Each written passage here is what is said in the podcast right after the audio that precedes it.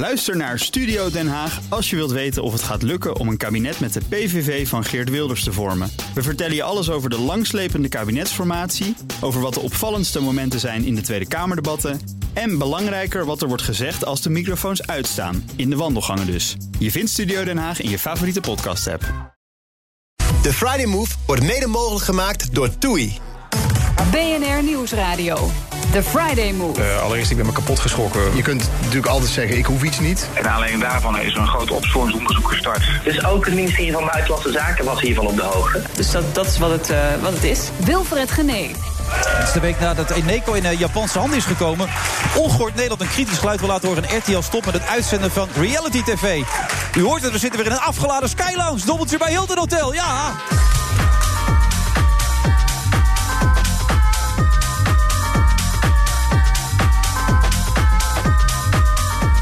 Onder leiding van Rutger Groot-Wassink werd GroenLinks in Amsterdam de grootste partij. Tien zetels. Amsterdam moet onder zijn leiding eerlijker, diverser en duurzamer worden. Maar lukt dat een beetje? De wethouder is als het goed is tot half zeven mijn co-host.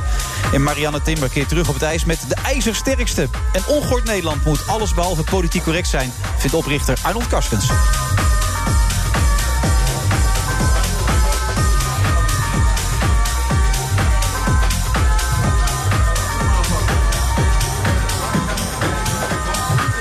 Ja, goed. We kijken op dit moment uit over de skyline van Amsterdam vanuit de Sky Lounge. Prachtig gezicht natuurlijk. En ik kijk even naar de man die uh, eigenlijk een beetje de voorman is van het knijterlinkse college in Amsterdam, zoals het overal omschreven wordt. Rutger Groot-Wassink. Uh, goedemiddag, Rutger. Goedemiddag. Ja. Als jij zo over Amsterdam uitkijkt, wat, wat, wat bekruipt jou dan? Ja, dat is toch mooi? Nee, dat is prachtig. Sint-Nicolaaskerk, uh, je kunt overal naar kijken. Ik vind het fantastisch, ja. ja. Alleen het kan nog veel beter, hè? Daar in Amsterdam. Tuurlijk, Hier in Amsterdam. kan uh, ja. ook in Amsterdam nog beter. Gelijk even naar het knijterlinks. Dat vind je soms een beetje storend. Ik, ik heb even wat documentatie door. Ik kom het in elk stuk zo'n beetje tegen. Echt iedereen schrijft knijterlinks. Ja, maar ik heb het zelf in ieder geval nooit gezegd. En ik zou ook denken van, nou ja... Uh, kijk, kan niemand verbazen dat ik hè, als voorman van GroenLinks uh, links ben. Maar ik zou toch willen zeggen dat dit stadsbestuur niet per se knijterlinks is. Dat hangt oh. erg van je eigen politieke positie af. En ik zou zeggen, dit is een centrum-links stadsbestuur. Ik zal eens horen hoe Arnold Karskens daar zo meteen over denkt. Ik heb het gevoel dat Arnold daar iets anders over denkt. D66, PvdA, SP en GroenLinks is toch redelijk links hoor. Dat, als je het zo ziet, zo, zo ziet staan. Dat is wel links. Ja. Ja. Maar je vindt jezelf geen linkse rakker. Je bent toch gewoon een enorme linkse rakker ja, ja, gewoon? Nee, maar ik ben wel links, daar niet van. Maar ja. dat zou dus betekenen... Kijk, ik denk dat het stadsbestuur nog wel wat linkser zou kunnen, wat mij betreft. Nog linkser? Ja hoor, zeker. En in wat voor opzichten dan? Nou ja, ik denk, kijk, en dat, dan zit je op een gegeven moment ook... Uh, er gaan nu mensen die vallen gewoon van hun stoel, hè, op dit moment, die zitten te luisteren. Denken, het zal toch niet waar zijn, godsamme. ja. Nou ja, nou volgens mij kan het helemaal niemand verbazen waar ik politiek sta. Hoor. Nee, dus, nee, nee. Je hebt een, nee, maar kijk, ik denk een extreem inslag als je het allemaal leest. Ach, stel je niet aan. Wat een flauwekul. Wat blijkt dat dan uit? ik lees allemaal stukken over hoe je er nou, vroeger overdag met het SAP of SAP enzovoort. En ah, joh, dat wordt ook allemaal nagedragen. Ah, hè? ik heb Extreme één, bewegingen. Ik, ik, heb één keer toen ik voor het eerst mocht stemmen, heb ik op uh, inderdaad SAP Rebel gestemd. Ja. Uh, ik heb daarna eens geprobeerd met die lui in contact te komen. Moest je een, uh, een postzegel ook nog bijvoegen. Nooit meer wat van gehoord. Oké. Okay. Dus volgens mij valt dat wel mee. Heel, ja, maar hun, hun, hun ideeën waren redelijk extreem, toch? Of vond je het ook wel meevallen? Nou, toen niet meer hoor. Ze hadden inderdaad twintig jaar daarvoor waren ze volgens mij echt nog marxistisch-leninistisch. Maar ja. Op het moment dat ik daarop kon stemmen, was volgens mij 1990. Toen was het al een vrij burgerlijk partijtje hoor. Oké, okay, dus en daarna ben je alleen maar naar rechts opgeschoven? Ach, nee, ik geloof niet dat mijn politieke uh, positie heel erg veranderd is. Die eerste rode rakker is al in, zie ik zo'n beetje. Een lekker rood wijntje besteld. Dat zie je ja. vaak hè, bij die linkse jongens. Die bestellen altijd een rood wijntje als die zitten. Nou ja, het is vrijdagmiddag, hè, dus uh, ja. het is wel tijd voor een uh, borrel, toch? Maar even, je vindt dat het nog iets linkser mag in Amsterdam. Hoe dan? Nee, maar kijk, als ik bijvoorbeeld, laat ik een voorbeeld geven. Ik, ik las vandaag in de krant hè, dat Shell uh, 0 uh, euro uh, winstbelasting betaalt in Nederland, maar wel 10 miljoen subsidie krijgt. Hoe kan dat? Er gebeuren nog tal van dingen in dit land waar ik me afvraag hoe dat kan. Als je kijkt naar hoeveel armoede er in dit land is. Als je kijkt naar uh, hoe we sommige sociale voorzieningen slecht hebben uh, georganiseerd. Als je kijkt naar hoe bijvoorbeeld de publieke zaak slecht gediend wordt. Hè. Leraren tekort, agenten tekort, in de zorg loopt het fout. Ja. Dan kan het nog wel wat beter, wat mij betreft. En dat geldt niet alleen voor Amsterdam, dat geldt voor heel Nederland, bedoel je eigenlijk? Ja, zeker. Ja, en hoe wil je het in Amsterdam gaan voor elkaar dan krijgen? Nou ja, in Amsterdam hebben we nu natuurlijk een coalitieakkoord. Laten we dat eerst eens uitvoeren. Hè. Daar zitten natuurlijk ook nog behoorlijk wat, uh, wat dingen in die nog moeten. Uh, maar ja, achter was, uh, gisteren werd er een peiling gepubliceerd... waarin staat dat GroenLinks nog steeds de grootste partij van de stad is. Dat is hartstikke goed nieuws natuurlijk. Ja. dus wij werken gewoon door als stadsbestuur. Maar als je naar jezelf kijkt, je was natuurlijk al die tijd ook een beetje een activist, zeg maar. En nu je, moet je in het compromis. Hoe is dat voor jezelf nu als wethouder dan? Nou, dat vind ik eigenlijk heel leuk. Meen je dat? Ja. ja. Verbinden en dan ook samen iets oplossen? Ja.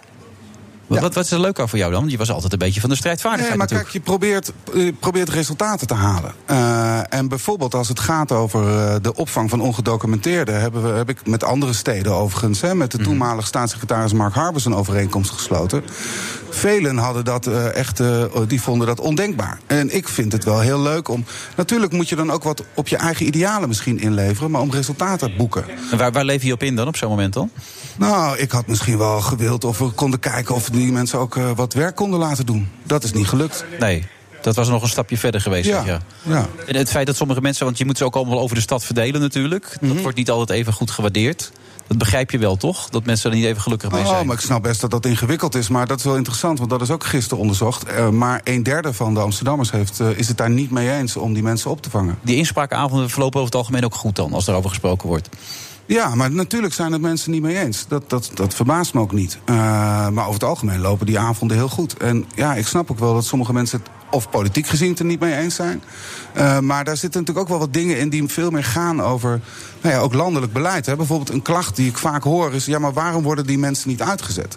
Dat kan ik me bij sommige van uh, de mensen ook wel voorstellen. Ja. Maar daar ga ik dan weer niet over. Dus dat is lastig. Uh, maar we hebben natuurlijk gewoon falend asielbeleid in dit land. Maar je, je, daar wil je ook niet mee bezighouden, waarom die mensen niet uitgezet worden. Jij zegt, ik heb gewoon dat probleem dat ze er hier zijn... en daar wil ik een oplossing voor hebben. Ja, het hebben... feit dat ze eigenlijk misschien weg zouden moeten gaan... daar wil je niet over nadenken. Dan. Oh, jawel hoor, want ik zou heel graag... Uh, oh nee, uh, geef mij toch vooral... ik zou best het uh, um, willen bepalen hoe we in Nederland met asiel omgaan. Dan wordt meneer Kaskes misschien helemaal verdrietig, maar... maar... Hoe zou je dat zien dan in Nederland? Nee, maar ik denk dat we echt naar een ander systeem moeten... waarvan bijvoorbeeld gereguleerde migratie... maar ik denk ook dat we vooral moeten zorgen... dat veel sneller besluiten worden genomen. Nu zie je dat mensen uh, heel lang wachten en soms ook de mogelijkheid hebben om toch een paar keer uh, uh, opnieuw asiel ja. aan te vragen. Kijk, en ik denk wel dat je daar sneller duidelijkheid in zou moeten hebben. Um, um, en zou je dan denk... ook harder moeten optreden? Tegen sommige groepen zeker, ja. Nou kijk, we hebben uh, bijvoorbeeld hier in de stad ook wel te maken met veilige landers. Hè. Dat zijn mensen die zitten over het algemeen in Ter Apel. Uh, maar ja, die gaan soms gewoon hier naartoe om hier uh, te stelen, overlast te veroorzaken.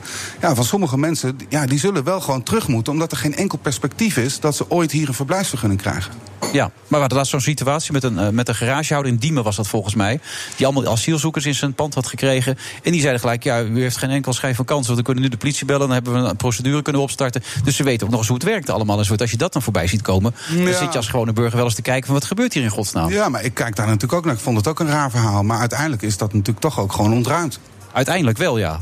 Ja, nee, maar kijk, uh, uh, ik vind dat ook geen wenselijke zaak. En dat is nou een van die redenen waarom wij denken dat het beter is om uh, door middel van een, een, een opvangvoorziening te kijken of je mensen uh, perspectief kunt bieden. Of dat perspectief nou is alsnog verblijfstatus of terugkeer van eigen, naar eigen land. En wat je ziet, en dat, gewoon elk onderzoek laat dat zien, dat als je mensen alleen maar denkt, uh, alleen maar tegen mensen zegt: je moet terug, je moet terug, je moet terug, dat dat niet werkt. Dat het voor sommige mensen nodig is dat ze eerst een tijdje uh, die opvang hebben, zien dat er geen juridisch perspectief is en dan zelf kunnen nadenken over met welk verhaal ze terug kunnen. Ja, maar ook kunnen ze daardoor in die tijd niet gehecht raken. Hier denken bij zo, ik vind het zo fijn hier, ik wil blijven. Nou, maar dit, we hebben het hier over mensen die soms al tien jaar hier zijn. Ja, dus die zijn al gehecht eigenlijk? Nee, uh, niet altijd. Want als, je, als voor hen echt duidelijk is dat hier geen toekomst meer is... dan moet je nadenken, wat zijn dan omstandigheden... waarop we ze wel terug kunnen krijgen. Ja, maar daar werken we Waar komt deze sociale inslag vandaan eigenlijk? Geen idee. Ik denk gewoon uh, dat ik zo ben, ja. Maar ik zie wel veel uh, in de wereld en in Amsterdam uh, waar ik me boos of druk om maak. Uh, omdat de wereld natuurlijk niet eerlijk verdeeld is. En ik vind dat, nou ja, je, als het gaat over bijvoorbeeld de welvaart, dat we die echt wel een stuk eerlijker mogen verdelen. Ja, ja en daar wil je alles aan doen. Zeker hier in Amsterdam. Nou, dat vind ik, wil ik alles. Ik wil er wel veel aan doen. Ja, ja. Die rijken mogen wat minder hebben en de armen wat meer. Nou, ik ben niet tegen rijkdom, ik ben vooral tegen armoede. Dus ik vind wel dat we welvaart beter kunnen delen. Ja, als je kijkt naar uh, hoe de welvaartsverdeling is, hoeveel de rijkste 1% heeft en hoeveel uh, bijvoorbeeld uh, belastingbedrijven betalen, dan denk ik dat we dat wel eerlijker kunnen verdelen. Ja. Oké, okay, nou zometeen Arnold Kaskens, die schuift zometeen aan. Dan kunnen we er gelijk even over door. Ongehoord Nederland, tot zo.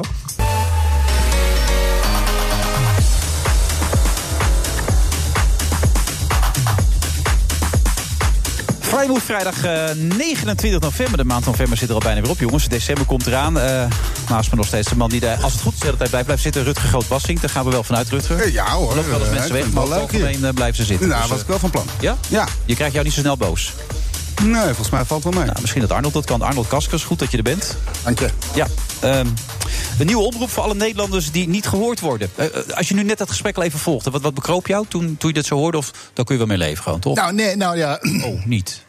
Gewoon die, de opvang van de uitgeproduceerde asielzoekers. Weet je, dat vind ik zo'n slechte manier om eh, mensen eigenlijk een beetje voor gek te houden, de Nederlanders hier. En ook die mensen zelf, want op een gegeven moment ga je je toch hechten aan, om deze plek. En je weet dat je, dat je toch weer weg moet. Dus ik vind het eigenlijk gewoon zeer vreed, zeker van, van GroenLinks. Om die mensen dan toch weer op te vangen, weer hoop te geven. En uiteindelijk toch te zeggen van, je moet weg. En dat is dan typisch de lafheid, zo noem ik dat, de lafheid van links. Die niet meteen durven zeggen wat op staat. Ja, maar Dus je is- dupeert, ja, je, dupeert de Nederlanders en je man. dupeert die mensen. Ach, nee, man. Omdat je zelf niet de moed hebt om te zeggen... mensen, uitgesloten, je moet terug. Ja, maar dat is natuurlijk allemaal kortzichtig gelul. Want eh, zoals je zelf maar altijd goed weet, hebben volgens mij al eh, heel lang, sinds de jaren 70, geen links kabinet. Zijn het altijd rechtse regeringen geweest die zijn gegaan over het asielbeleid. Die zeggen tegen mensen: je moet wel terug, maar weet je wat we doen? We zetten je op straat.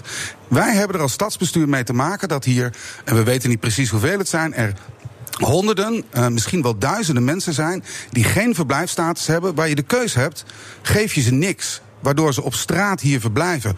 Eh, en de kans naar bijvoorbeeld criminaliteit vrij groot is. Of zeg je, we vangen ze op, we geven ze het basale. En we kijken of we ze alsnog, of ze recht hebben op verblijfstatus. Of dat ze terug kunnen keren.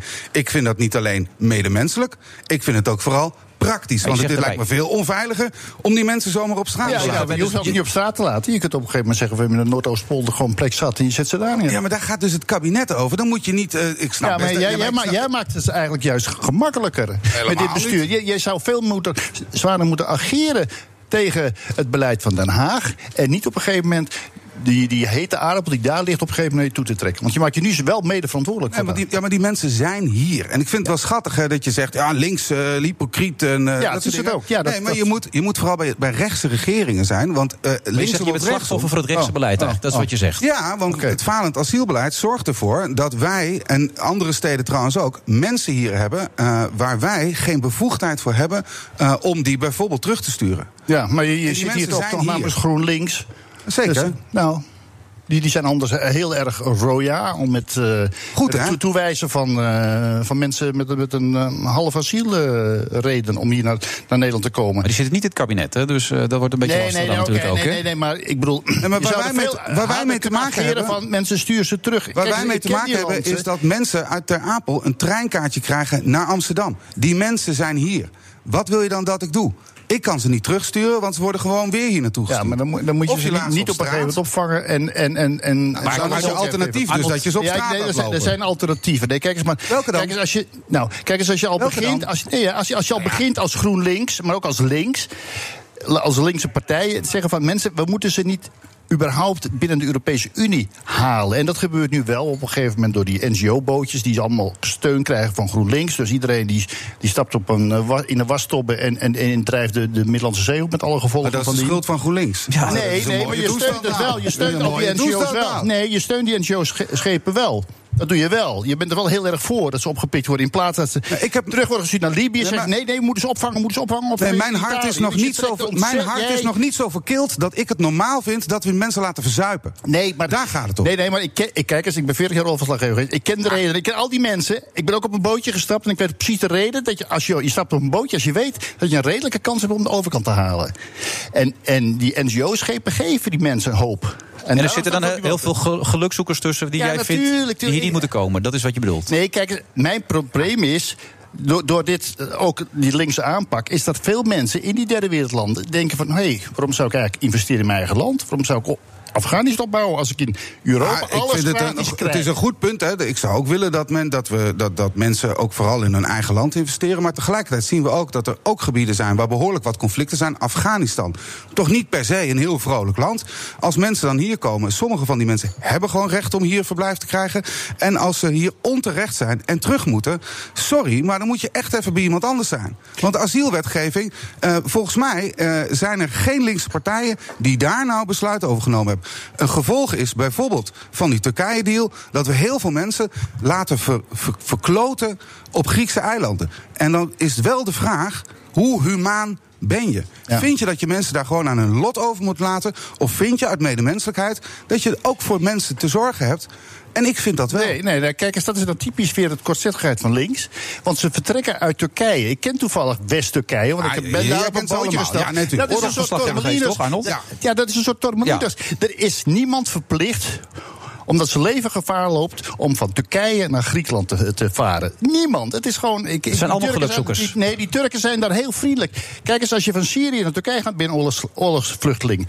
Maar als je van Turkije naar Griekenland gaat, ja, dan, dan ja, en ik dan stel- nog zes landen doorgaat tot vast dat Nederland. mensen hier ja, zijn. dan, dan is denk dan je, dan denk je van, ik denk nou, dat jullie redelijk uit hetzelfde punt hebben besproken. Nu, dit is het geluid wat we willen horen op ongehoord Nederland, toch? Wat jij nu vertolkt hier. Nou ja, ik, ik, ik praat uit ervaring. En dat, dat is een grote verschil, Ja. denk ik, met, eh met veel anderen. zo- Nee, maar niet ik- bepaalde correctheid. Nee, maar ik denk we dat- gaan even oh, terug even naar de omroep.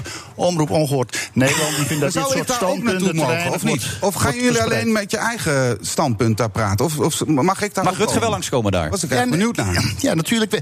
On- het grote verschil tussen ongehoord Nederland en, en, en de, de omroepen die nu bestaan, is dat ook de politiek niet correcte vragen opwerpen en de niet politiek correcte antwoorden Zoals geven. Bo- ik had Baudet Beetje afgelopen zondag. BNR hier. Nou, ik had afgelopen zondag Baudet bij ons in het café. En die wilde vertellen dat in, de, in Gorkum met de kopschoppers... het Marokkanenprobleem veel groter is in Nederland... dan wij met z'n allen durven te benoemen. Ja, zeker, zeker dingen, ja. Ja, en dat Ja, en, en, en, en kijk eens, dat bijvoorbeeld ook met die, met die hele vluchtelingenproblematiek.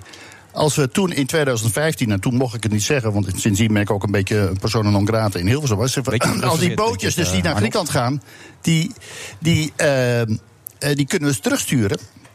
Als dat probleem toen werd besproken binnen de NPO, en als je het binnen de NPO bespreekt, bespreek je het ook binnen de politiek, waren er veel en veel eerder oplossingen aangedragen. Maar door steeds te verzwijgen, het, het, het camoufleren. Je- juist denkt wel niet in complotten nu, eh. Arnold. Nee, nee, nee, nee. Ik, je komt met dit soort standpunten, kom je niet heel makkelijk Hilversum binnen. Het is maar altijd dit het is zielige nou, maar verhaal. ik vind het wel, ik vind het toch opmerkelijk op zijn minst en, en, en eigenlijk wel een beetje potsierlijk. Ik zie die Thierry Baudet, die is eh, niet van de buis te slaan. Wilders wil volgens mij eh, nooit op een uitnodiging ingaan. Ik heb nou niet het idee alsof, het, eh, alsof dit geluid, alsof eh, eh, deze, deze opvattingen nou niet eh, te horen zijn of in de krant te En lezen. politiek zijn. worden ze redelijk ondersteund. Dat zie je Ja, ook aan volgens PVV mij en voor kijk Democratie. ah, je, je moet op een gegeven moment eh, tellen hoeveel tijd bijvoorbeeld dan Baudet krijgt, als hij het al krijgt, en hoe vaak je wordt tegengesproken, ten opzichte van al die mensen die gewoon uh, Ja, maar je mag, dat is wel het grappige wat jij nou zegt. Ik had Thierry Baudet dus afgelopen zondag. En als je hem dan zegt, als je niet deze partij bij elkaar kan houden, hoe wil je het land dan bij elkaar houden? Dan vindt hij dat gelijk framen. Terwijl dat is, het is toch gewoon ook een feit. Ik wil, je ziet toch wat er gebeurt. Dat mag je dan toch wel benoemen, Arnold. Dingen die ja, niet nee, goed nee, gaan. prima, prima, prima. Maar weet je waarom Geert Wilders niet naar één vandaag meer gaat? Omdat hij geen zin af kan maken. Het is framing. Als, als hij een verhaal probeert af te steken, wordt hij altijd uh, ik- nogmaals, en, dat, en dat zal bij ongehoord Nederland niet zijn. Ik vind het Maar op die zich een goed zelfs, als Rutger, zelfs als Rutger komt, kan hij uitpraten. Ja, niet- hier niet, bij mij, maar normaal Nou, gesproken volgens mij lukt het hier ook nog vrij redelijk. hoor. Ik maak me daar ook helemaal geen zorgen om. Maar, maar ik vind het toch een beetje raar, hè? Want inderdaad, waarom mag je... Bij Thierry Baudet is dat wel vaker. Als een keer mensen daar kritisch over zijn... of over die Otte iets vragen... dan is het... oeh, oeh, oeh, framing, framing. Eh, bij jullie heb ik daar ook wel gewoon een vraag over, hè? Dat... Er zitten ook mensen bij, eh, geloof ik, de initiatiefnemers... waar ik echt wel mijn twijfels bij heb. Hè. Waarom is het nou nodig dat er ook een omroep is die... Nou ja, en ik ben er niet tegen. Hè. Als je, dit, toch? zijn de, nee, maar dit zijn de regels. Dus als iedereen een handtekening op mag halen, ja, dan, moet je dat, dan kan dat. Dus daar ben ik niet tegen. 5,72 euro betalen, Ja, ongehoord ik, Nederland.nl. bedoel, ik zal het niet doen, want er zitten allemaal, vind ik, dubieuze types bij. Maar Nee, hey, zie je wel? Kijk eens, Noem- dat is eens- framing. noem eens een paar Zie je wel? Nou, ik vind dat is Jo- dat ik vind- typisch. Ik Dat- vind, zo meneer noem ik jou Niemuller, niet. Ik vind meneer Niemuller, als je gewoon kijkt naar eh, de stellingen die hij ingenomen heeft. Nou ja, dan kan ik niet anders eh, eh, concluderen dan dat dat eh, zeer, eh, eh, zeer rechts, mogelijk zelfs radicaal rechts. eh, als je het hebt over, eh, nou ja. Dubieuze mensen. Kijk eens. Nee, nee, dubieuze goeie- opvattingen, zei ik. Het is op een gegeven moment zo, en dat is heel goed van eh, eh, wat, eh, wat Joost de Niemuller doet, is die bekijkt steeds de zaken van een andere kant. En dat vind ik zo goed, dat gebeurt zo weinig in de journalistiek zo, dat we heel kritisch zijn naar wat de, de mainstream media zegt. En hij, hij is zo'n type. En ik zal een voorbeeld geven waarom ik het zo belangrijk vind. Zeker als oorlogsverslaggever in 2003 liepen we allemaal achter de Amerikanen aan. Ja, nee, we moesten Irak invallen, want ze hadden massavernietigingswapens. Er werd bijna, geen bijna geen tegengeluid gegeven. En je ziet de gevolgen tot nu toe. En zo is het ook op een gegeven moment moment het risico loop je met het klimaat, met de massaimmigratie, dat je op een gegeven moment door iedereen die een beetje tegengeluid geeft weg te zetten, dat je de problemen niet onder ogen ziet. En dus eh, ook ik- niet. Maar ben je boos, of niet? Ben je boos? Nou, nee. Ik constateer Ik ben- alleen dat er ik- iemand ik is die ongerust. racistisch is. Ik ben bezorgd. Ik ben niet zo raar? Sorry?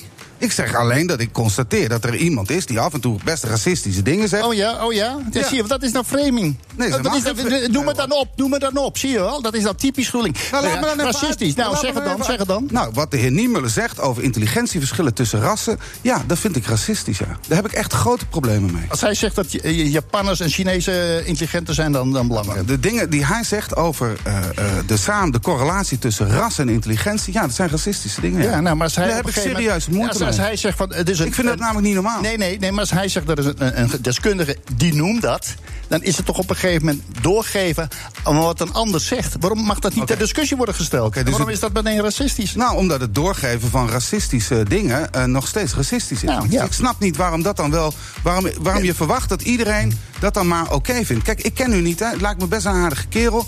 Dat die omroep er komt. Ik vind het allemaal prima. Ik verheug me daar zelfs wel op.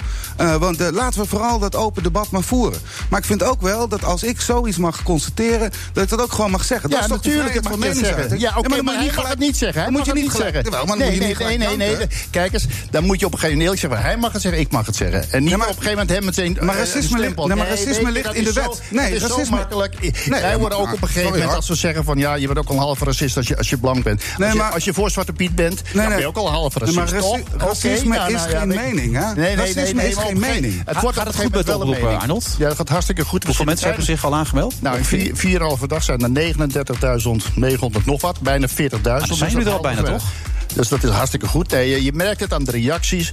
Dat heel veel mensen gewoon ontzettend graag een tegengeluid willen horen. van wat je nu eigenlijk elke dag krijgt voorgeschoteld eh, binnen de NPO.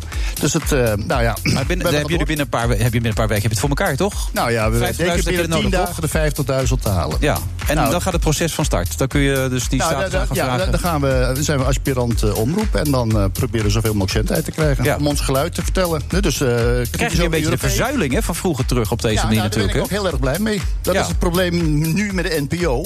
Dat eigenlijk een paar bepalen wat, wat jij ziet en de rest van, van Nederland. Die kijken ze op een gegeven moment allemaal door een rietje. En de rest van de wereld eromheen, ja, die zien we niet meer. dat- Het is ook de carousel van de steeds. De PN'ers die daar een mening hebben, weet je. En dan moet dat ook allemaal een beetje passen. Want als je dan bijvoorbeeld bij Radio 1 net eventjes een ander geluid hebt... nou, dan vlieg je weg. Dan eh, ben je niet meer welkom. Toch oog je wel boos als je het zo vertelt. Nou, eh, ik vind dat, we, dat er heel veel Nederlanders. En ik, ik spreek ze dus via de telefoon. En we ik, net de, postbus zo'n dik pak met, met brieven. Ik spreek namens heel veel Nederlanders. die willen dat er gewoon weer een frisse wind waait door Hilversum. Dat ze het idee hebben van. als ik iets voel, dat ik het ook mag zeggen. en dat niet meteen als racist wordt weggezet. Nou, dat vind ik toch een beetje raar, want dit is evident racisme. Mag ik toch benoemen? Lijkt me ook vrijheid van meningsuiting. Jullie worden het niet helemaal eens. eh, Nee, maar indruk, racisme is in die zin ook gewoon geen mening. Ik Nee. vind het eerder een beetje stinken, maar... nogmaals, dat maar het feit dat, dat die dat zeg omroep- ik ook niet over jou, weet je. Dat, ik vind, dat is nou typisch links. maar ik zeg gewoon het ook mensen, niet over jou. Eh, Nee, nee, Nee, nou, maar ik zeg waarom het zeg je het niet wel over een ander dan? Nee, ik zeg dat. Ik zeg zelfs. Heren. Ik kijk uit Ja, naar nee, die omroep. Heren, Dus ik, ben, Ik ben blij dat ongehoord Nederland eh zendtijd krijgt. En Ja. Als ik zo, eh, Maar ik ook, hoor. Ik denk dat veel mensen in dat vinden. En dan, het eh, lijkt wordt mij, het ook het lijkt mij altijd. ook wel maar. Arnold, ik doe dat ook. Ik, ik hoop echt dat het een succes gaat worden. Want ik denk echt dat een nieuw geluid helemaal geen kwaad kan. Nee, dus in dat, opzicht, eh, nee, nee, dit- ik ben er heel benieuwd naar ook. Ja, nee, dat, ik, eh, nou, het is een lange, lange weg te gaan natuurlijk. Want eh, je, je komt zomaar niet aan je eerste centuren toe. Maar eh, we zijn hard op weg met heel veel vrijwilligers. We krijgen ontzettend veel support uit alle delen van Nederland. Gewoon blij mensen. Echt. Ik, het is hartverwarmend. Je wordt nu gelukkig weer een beetje blijer. Want ik was een Nou, beetje nee, geschrokken nee, net. ik, Maar... ik kreeg mensen aan de telefoon en die vinden het Ja. zo fantastisch dat we dit doen. Nou, daarom. Succes er sowieso mee. Dankjewel. En goed dat je er was.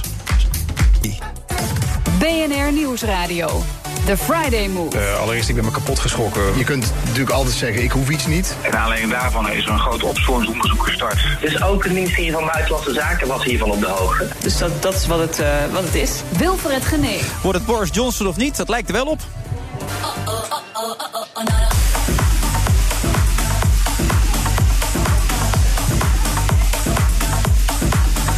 Friday Move van vrijdag eh, 29... eh, nee, wat zeg ik? Ja, 29 november alweer. We zitten in de Skylands, dobbeltje bij Hilton Hotel. En Rutger uh, Grootwassink is mijn eh, co-host van vandaag. En dat hoop ik tot de klok van half zeven na het debat van net.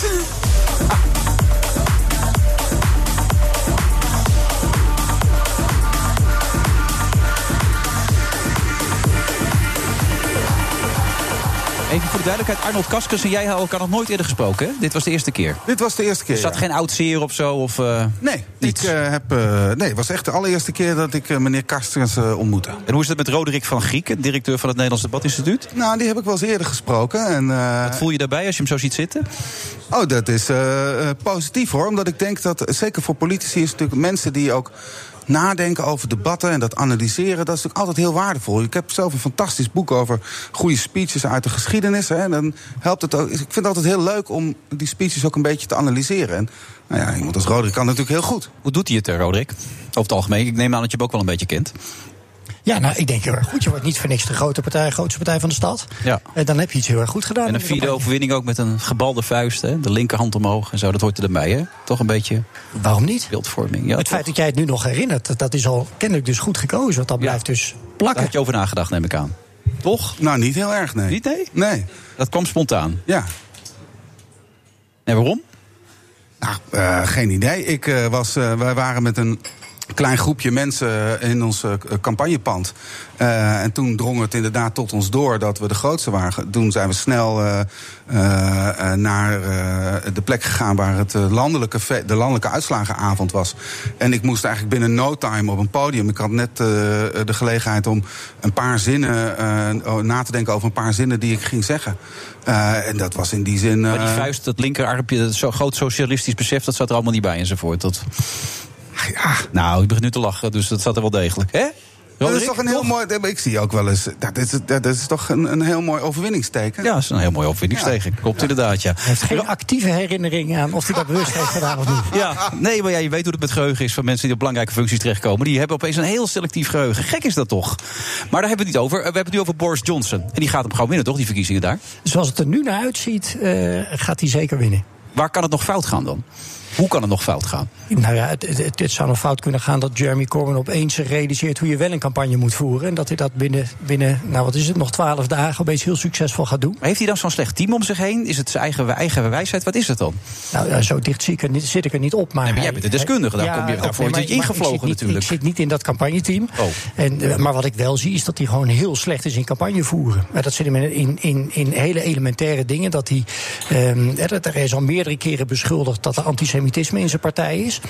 Um, nou, in het midden laten of dat waar is of niet. Dat wil, je wil niet dat dat in een campagne, dat je daar steeds mee geconfronteerd wordt. Dus je moet zorgen dat je de allereerste keer dat je die vraag krijgt, dat je dat direct onschadelijk maakt en zegt: joh, hier hebben we niets mee te maken. Ik bied aan iedereen excuses aan als het ook maar ergens voor nodig zou moeten zijn. Ja. Want dan kan je weer door. Maar door het iedere keer maar toch een beetje te laten zweven, ja, wordt het interview na interview, dag na dag, week na week blijft dat. Maar er zal toch wel iemand, een, een, zeg maar Roderick van Grieken in Engeland zijn die dat tegen hem zegt, zegt Hello Jeremy.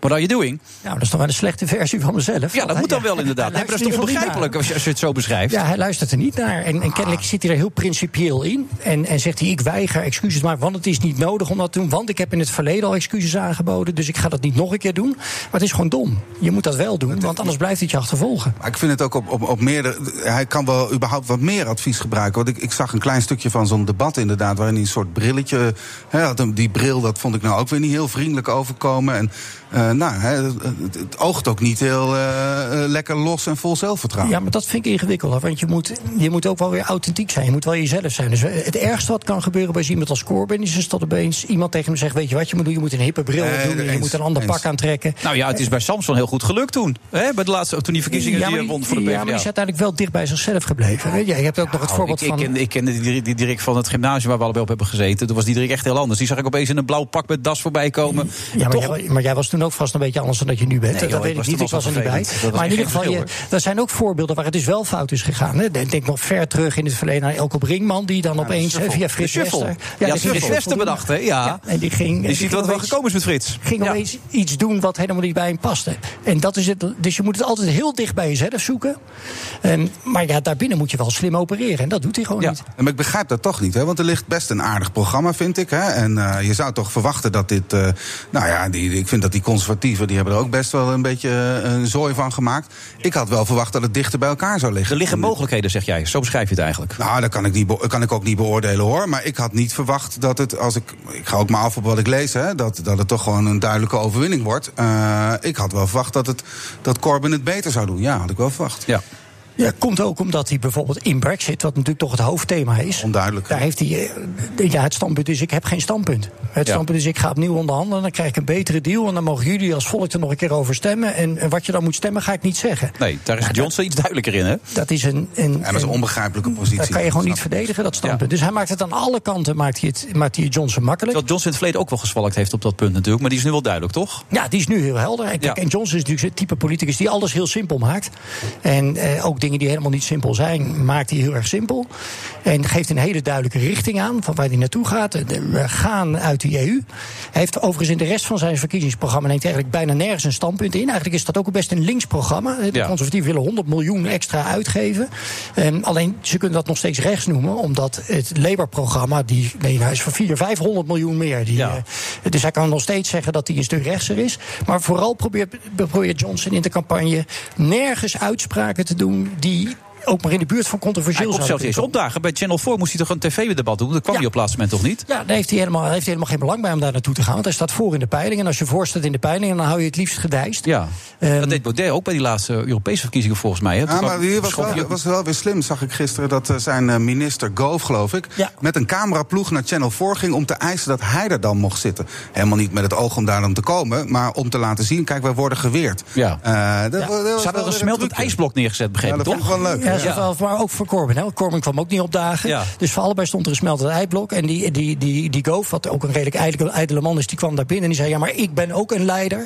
Waarop hij het antwoord kreeg: Ja, maar u bent niet de leider. Nee. Eh, dus u Maar hij had niet. wel zijn eigen cameraploeg meegenomen om vast te leggen dat hij Ja. geweigerd werd. Had- ja, dat had hij dan wel weer slim gedaan. Maar het is één groot politiek spel. Hè? Het, Ook mediaspel is het eigenlijk hè, vandaag de dag, toch? Bij alles wat je nu doet in de Maar politiek. is natuurlijk voor. eh, De politiek en media zijn natuurlijk van elkaar afhankelijk. Dus natuurlijk speelt dat wel een rol. Maar ik denk dat iedereen eh, erover na moet denken tot hoe ver je daarin meegaat. En met name welke grens je daarin overschrijdt. hoe ver kun je gaan? Dan kun je als minister-president niet weten dat er 74 burgerslachtoffers zijn gevallen. Dat je je geheugen niet meer helemaal op orde hebt. Kan dat of niet? Ja, dat is. Ik vind, het zelf, ik vind het zelf lastig te geloven, maar ik kan dat. Ik, ik, ik kan dat, ik vind het echt wel. Omdat, het is nogal wat als ik nu zeg van nee, ik geloof hem niet. Hè, eh, maar ik vind het zelf wel heel moeilijk te geloven, ja. Kijk, als hij hoe- erover geïnformeerd is, dan kun je je dat toch herinneren, zou ja, ik zeg 74 burgerslachtoffers. Dat moet je toch weten, Roderick? Ja, maar ook ik kan er niet over oordelen. Het enige Nee. wat mijn vak is, is daarnaar kijken hoe, hoe geloofwaardig weet hij dan wel die boodschap te vertellen. hoe En daar vond je is hij dat? wel erg goed in. Ik vind dat Rutte dat altijd, eh, in welke positie die ook zit. hè. Het is hem gelukt om in zijn eentje een jaar lang die dividendbelasting te verdedigen. En toen uiteindelijk eh, ze het alsnog introkken, lukte het hem ook om binnen een week ervoor te zorgen dat niemand het er meer over had. Kortom, hij is ijzersterk Hij is om in welke hij. positie Ja, er maar- ook staat, eh, toch overtuigend. En, ehm, eh, Nou, Technisch, en is die, is die een van de, van de allerbeste eh, politici die we hebben. Nee, maar dat is absoluut waar. Nee, grappig, nu ging het even over dat, over dat, Eh, dat, dat wachtgeld dat Dijkhoff krijgt, die 37.000, waar hij er niet van afgezien heeft. En toen werd hem de, vandaag de vraag gesteld of hij daar dan ook van af had gezien toen hij als steeds staatssecretaris in de Kamer kwam. En zegt hij, u kent mijn legendarische geheugen, ik wil het even zeker weten of het was, ik moet het even nakijken. Dus dan gaat hij er ook nog gelijk mee aan de haal, weet je wel. Dan heb je een heel serieus onderwerp en dan speelt hij er zo mee. Dat leer jij dan ook de mensen bij jou in het debatinstituut, dit soort dingen. Nou, ik wil niet zeggen dat ik ze dit zou leren. Wat ik ze wel leer, is probeer in ieder geval eh, authentiek over te komen. Maar dit kun je ook niet leren. Hè? Dit is een, een, een gevatheid, die, je- die heb je of die heb je niet. Dit soort dingen zijn niet te leren. Nee, Ik denk echt dat... je lacht er ook om, hè? Ik zag dat je hem grappig vond. Eh, nee, het is heel slim. Eh, en ik vind in die zin, eh, als je deze mate van gevatheid hebt, dat is ook gewoon knap. Want ik denk dat het net als met voetballen is. Het is een combinatie van dingen die je kunt leren en talent. En wat je ook van Rutte vindt, het, is een, het is een geweldige communicator. Ja, de beter ook, toch? Roderick. Ja, absoluut. Waar, hij heel goed in is, is bijvoorbeeld in debat om heel zelf de sfeer te bepalen en het tempo te bepalen. Dus hij kan heel goed schakelen tussen. Als de tegenstander met humor komt, kan hij opeens heel erg serieus zijn. En als de tegenstander heel serieus is, dan komt hij opeens met een grap. Waarmee hij echt heel erg de sfeer van zo'n debat bepaalt en het tempo bepaalt. En ja, daarnaast heeft hij natuurlijk enorme dossierkennis, omdat hij er al lang rondloopt. Waardoor het, ja, die bijna ongrijpbaar is als politicus. Maar geldt dat ook voor Boris Johnson, die ook die gevatheid heeft en ook die snelheid? Nou, maar op een hele andere manier. Ik denk, ik denk dat het bij Boris Johnson echt wel wat, wat minder talent zit dan dat er bij, bij Rutte eh, Ja? op dit gebied zit. Waar, waar Johnson met name heel goed in is, is dat hij heel bewust al, al meer dan een decennium een imago voor zichzelf aan het neerzetten is. Daar is hij heel bewust mee aan het sleutelen geweest. Terwijl ik denk dat bij Rutte daar heel weinig gesleuteld is, maar die, is gewoon, die doet gewoon hoe die is. Ja. En dat maakt het uiteindelijk op lange termijn ook heel sterk. Want in welke positie hij ook staat, hij speelt gewoon zichzelf. En over het algemeen is dat ja, de beste rol die je kan spelen. Jezelf zijn. Gewoon zoveel mogelijk jezelf zijn in elke situatie. Ga ik toch zo over nadenken. Dankjewel, eh, Roderick. Goed dat je er was. Als je blijft oefenen, komt Ik zal het zeker proberen te doen, inderdaad. Ja. Oefenen in jezelf zijn, dat Ja. is leuk. Tot de volgende keer.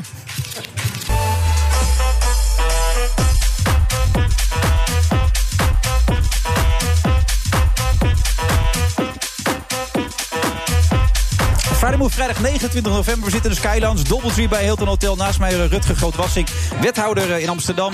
Linkse rakker, mogen we, toch, mogen we dat zeggen eigenlijk of niet? Ja, Ja? wat je wil. Kan wel, hè, toch? Ja, geen bezwaar. En het kan nog veel linkser, heb je al gezegd. Hier in eh, Amsterdam. En in Nederland überhaupt. Toch? Ja. En Marianne Timmer is aangeschoven. Timmertje, Timmertje. Hoe gaat het met je, Marianne? Nou, het gaat heel goed. Gaat allemaal lekker, ja? Alles gaat lekker, leuke dingen op mijn pad gekomen. En eh, ja, ik ben echt met, met hele leuke dingen bezig eigenlijk. Ja. En en privé ook alles? eh, Wat was een beetje even rust in de tent, hoorde ik, hè? Beetje rustig, maar soms eh, geeft het ook weer nieuwe inzichten. Time-out van een relatie kan heel goed werken, toch? Over het algemeen. Nou, heb je ervaring? Eh, Ja.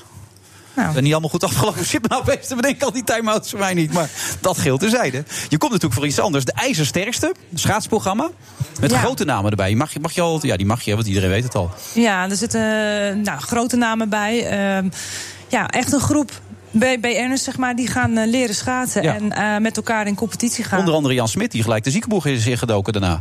Ja, Jan, maar Jan heeft ook heel veel dingen ernaast. Dus Ja, die dat heeft- is wel, denk ik, misschien te veel hooi op zijn vork. En Ja. iedereen wordt ook zo rete fanatiek.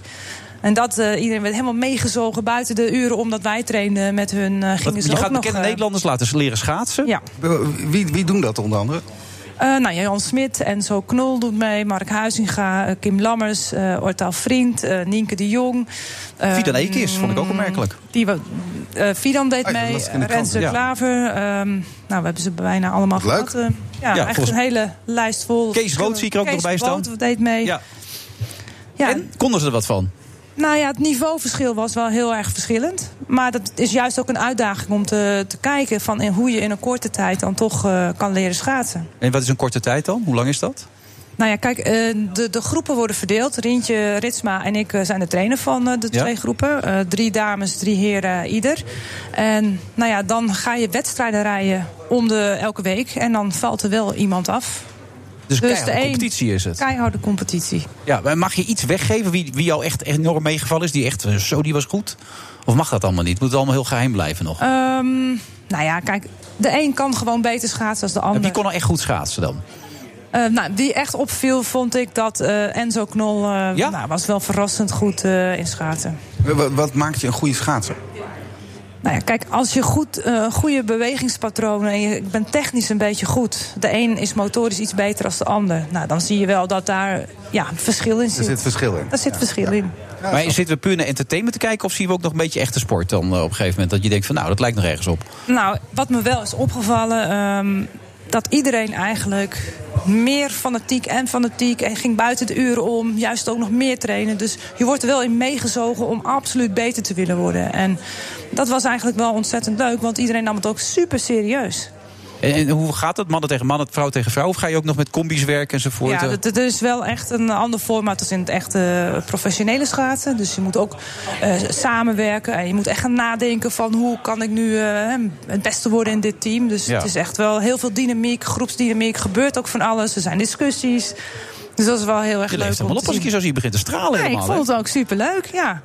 Het is ook echt, het is een mooie sport. Je ziet dan ook hoe moeilijk schaatsen is. Maar het is wel, wel te leren als je ook ja, goede tips en tricks eh, gaat? Ja, krijgen. en dan heb je de beste natuurlijk. hè, Rintje Ritsma en Zelf niet op de borst kloppen, maar, echt- Ja, dan heb je er toch een kanje bij zitten. En welke afstanden praat je nu over dan? Die, die ze moeten schaatsen? Ehm, nou, er zijn wel onderdelen die niet, ehm, niet in het echte schaatsen gebeuren, maar ook wel. Dus het is echt wel gemixt. Maar Dus een 10 ook wel een kilometer zou ook best leuk zijn. Dat gewoon als een soort afvalrace wie dat redt. helemaal Nou, dood ja. op een gegeven moment. Ja, ik geloof niet dat, dat wij dat zomaar zouden redden. Maar dat is... ja. Nou, dat is wel heel lang. Kijk, deze deelnemers die zijn niet zo snel als de Nee, echte toppers. in een Dus als je een nee. 1000 meter zegt, dan zijn de tijden van de 1500 meter... Nou, die horen daar ongeveer bij, tussen 1500 en 3. Dus ja, we gaan Oh ja. geen... eh, dat, dat zijn al lange afstanden, zeg maar. Ja. Maar je ziet wel echt verschil in het begin. En later hebben ze nog een keer weer dezelfde afstand. Dan, nou, dan is dat verschil enorm met de eerste keer. Werden jullie nou ook gecoacht, Rintje en jij, om op mediagebied allerlei dingen te doen? Of, of heb je het helemaal uit spontaniteit gewoon kunnen doen? Alles wat je dat deed? Nou, ik ben gewoon mezelf. kijk, ik heb Oh, dat is heel belangrijk, hebben we net gehoord. Dat zei Roderick van Gieken zei dat net. Oh ja? Ja, dus authentiek zijn is heel belangrijk. Altijd jezelf Oh. zijn. Ja. Ja. Ging jij oefenen, toch? Dat ging ik proberen, maar dat Oh, is dat echt proberen. heel ingewikkeld. ik zou niet weten hoe dat werkt. Nou ja, kijk, Maar je werd helemaal niet gecoacht daarin. Nee, maar ik heb natuurlijk onwijs veel ervaring uit de topsport. Dus het is een kijkje uit de keuken van de topsport. Ik ben zelf eh, nou, bijna twintig jaar eh, in de topsport eh, geweest, zelf als schaatser. Daarna nog vijf jaar als coach. Dus nou ja, bepaalde ehm, nou, dingen die erbij komt kijken. Zoals bijvoorbeeld voeding, het mentale gedeelte, trainen op hartslaghorloges. Ehm, ja, om een beetje dat inzichtelijk te krijgen. Dat, dat wordt wel meegenomen in het programma. En die invulling mocht ik ook zelf doen. Oké. En dat vind ik ook mooi, want dan kan je ook iets meer meegeven dan alleen maar trainen en technische dingen. Dus dit smaakt naar meer, Marianne. Nou, ik vond het eigenlijk wel heel leuk. En ik vond het ook mooi omdat zij ook, nou ja, de bewustwording en eigenlijk, ehm, ja, dat je ook eh, anders daarna gaat kijken eh, naar, naar topsport. Ik denk dat dat eh, juist ook interessant maakt in dit programma. Ja, je mag niks weggeven over winnaars en verliezers en dat soort dingen allemaal. Dat is wel jammer, hè? Dat... Je moet gewoon echt kijken. Ja. En wanneer is het? Morgen is Morgen de eerste aflevering. Ja. Nederland? Eén. NPO moet ik zeggen. NPO. NPO 1. Ja? Ja, Welke half tijd? negen. Half negen ook nog. Prime time. time, ja. Zo, dat wordt het. Kijk, kijk, zij hebben kanonnen. Zullen ze bij de commerciële niet blij mee zijn, denk ik dit. Geen idee, maar ik ben wel heel erg benieuwd hoe het ontvangen gaat worden. Ja, hoeveel afleveringen in totaal? Eh, zes afleveringen. Oké, Dus mooi het hè? is echt eh? Ja. spannend. Ja. Ben je een beetje schaatsrijk, Rutger? Of, eh? Nou, ik vind het wel heel erg leuk. Eh, ik woon zelf in het westen van de stad en ga wel eens, zeker bij mijn kinderen, eh, naar, Haar, naar Haarlem. Eh, daar heb je een, eh, een, een aardige eh, baan. Eh, en dus niet naar de Jaap Ede, maar naar Haarlem. Omdat ik het ook belangrijk vond dat mijn kinderen konden schaatsen. Eh, en ik, nou, recreatief vind ik het zelf heel erg leuk, ja.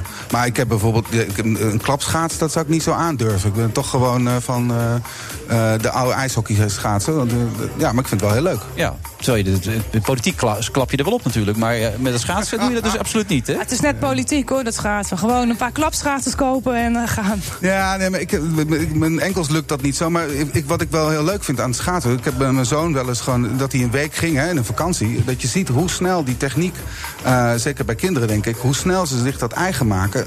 Nou ja, dat is echt niet bij een nieuwe. Marianne Timmer, zit hij ertussen bij jou? Of, eh?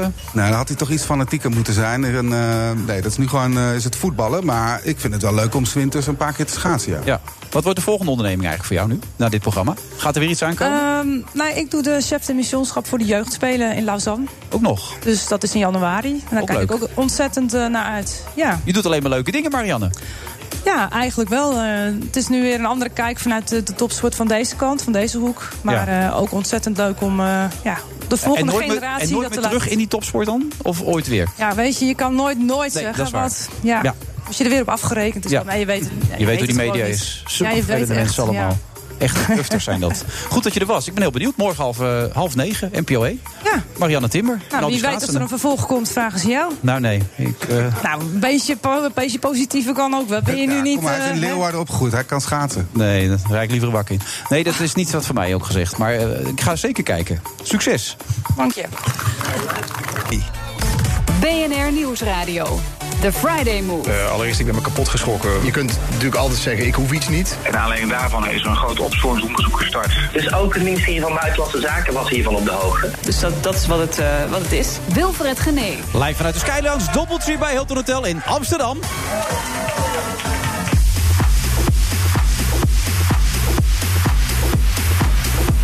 En ik zie dat het vreemde gewoon doorgaat. Namelijk zijn bijnaam is Lenin aan de Amstel. Rutger Grootwassink, de wethouder van Amsterdam, is vanmiddag mijn co-host. Ja, het staat hier rechter. Ik heb er nooit van gehoord. Ik zie het hier gewoon staan. Dat is nieuw voor mij. Oh. Jurgen Rijman en eh, Benito Doelwijd eh, willen een revolutie beginnen. En hoe die precies eruit gaat zien, dat hoor je zo meteen. En het Europees Parlement kan eindelijk van start. VVD'er Malik Asmani is er helemaal klaar voor. Yes.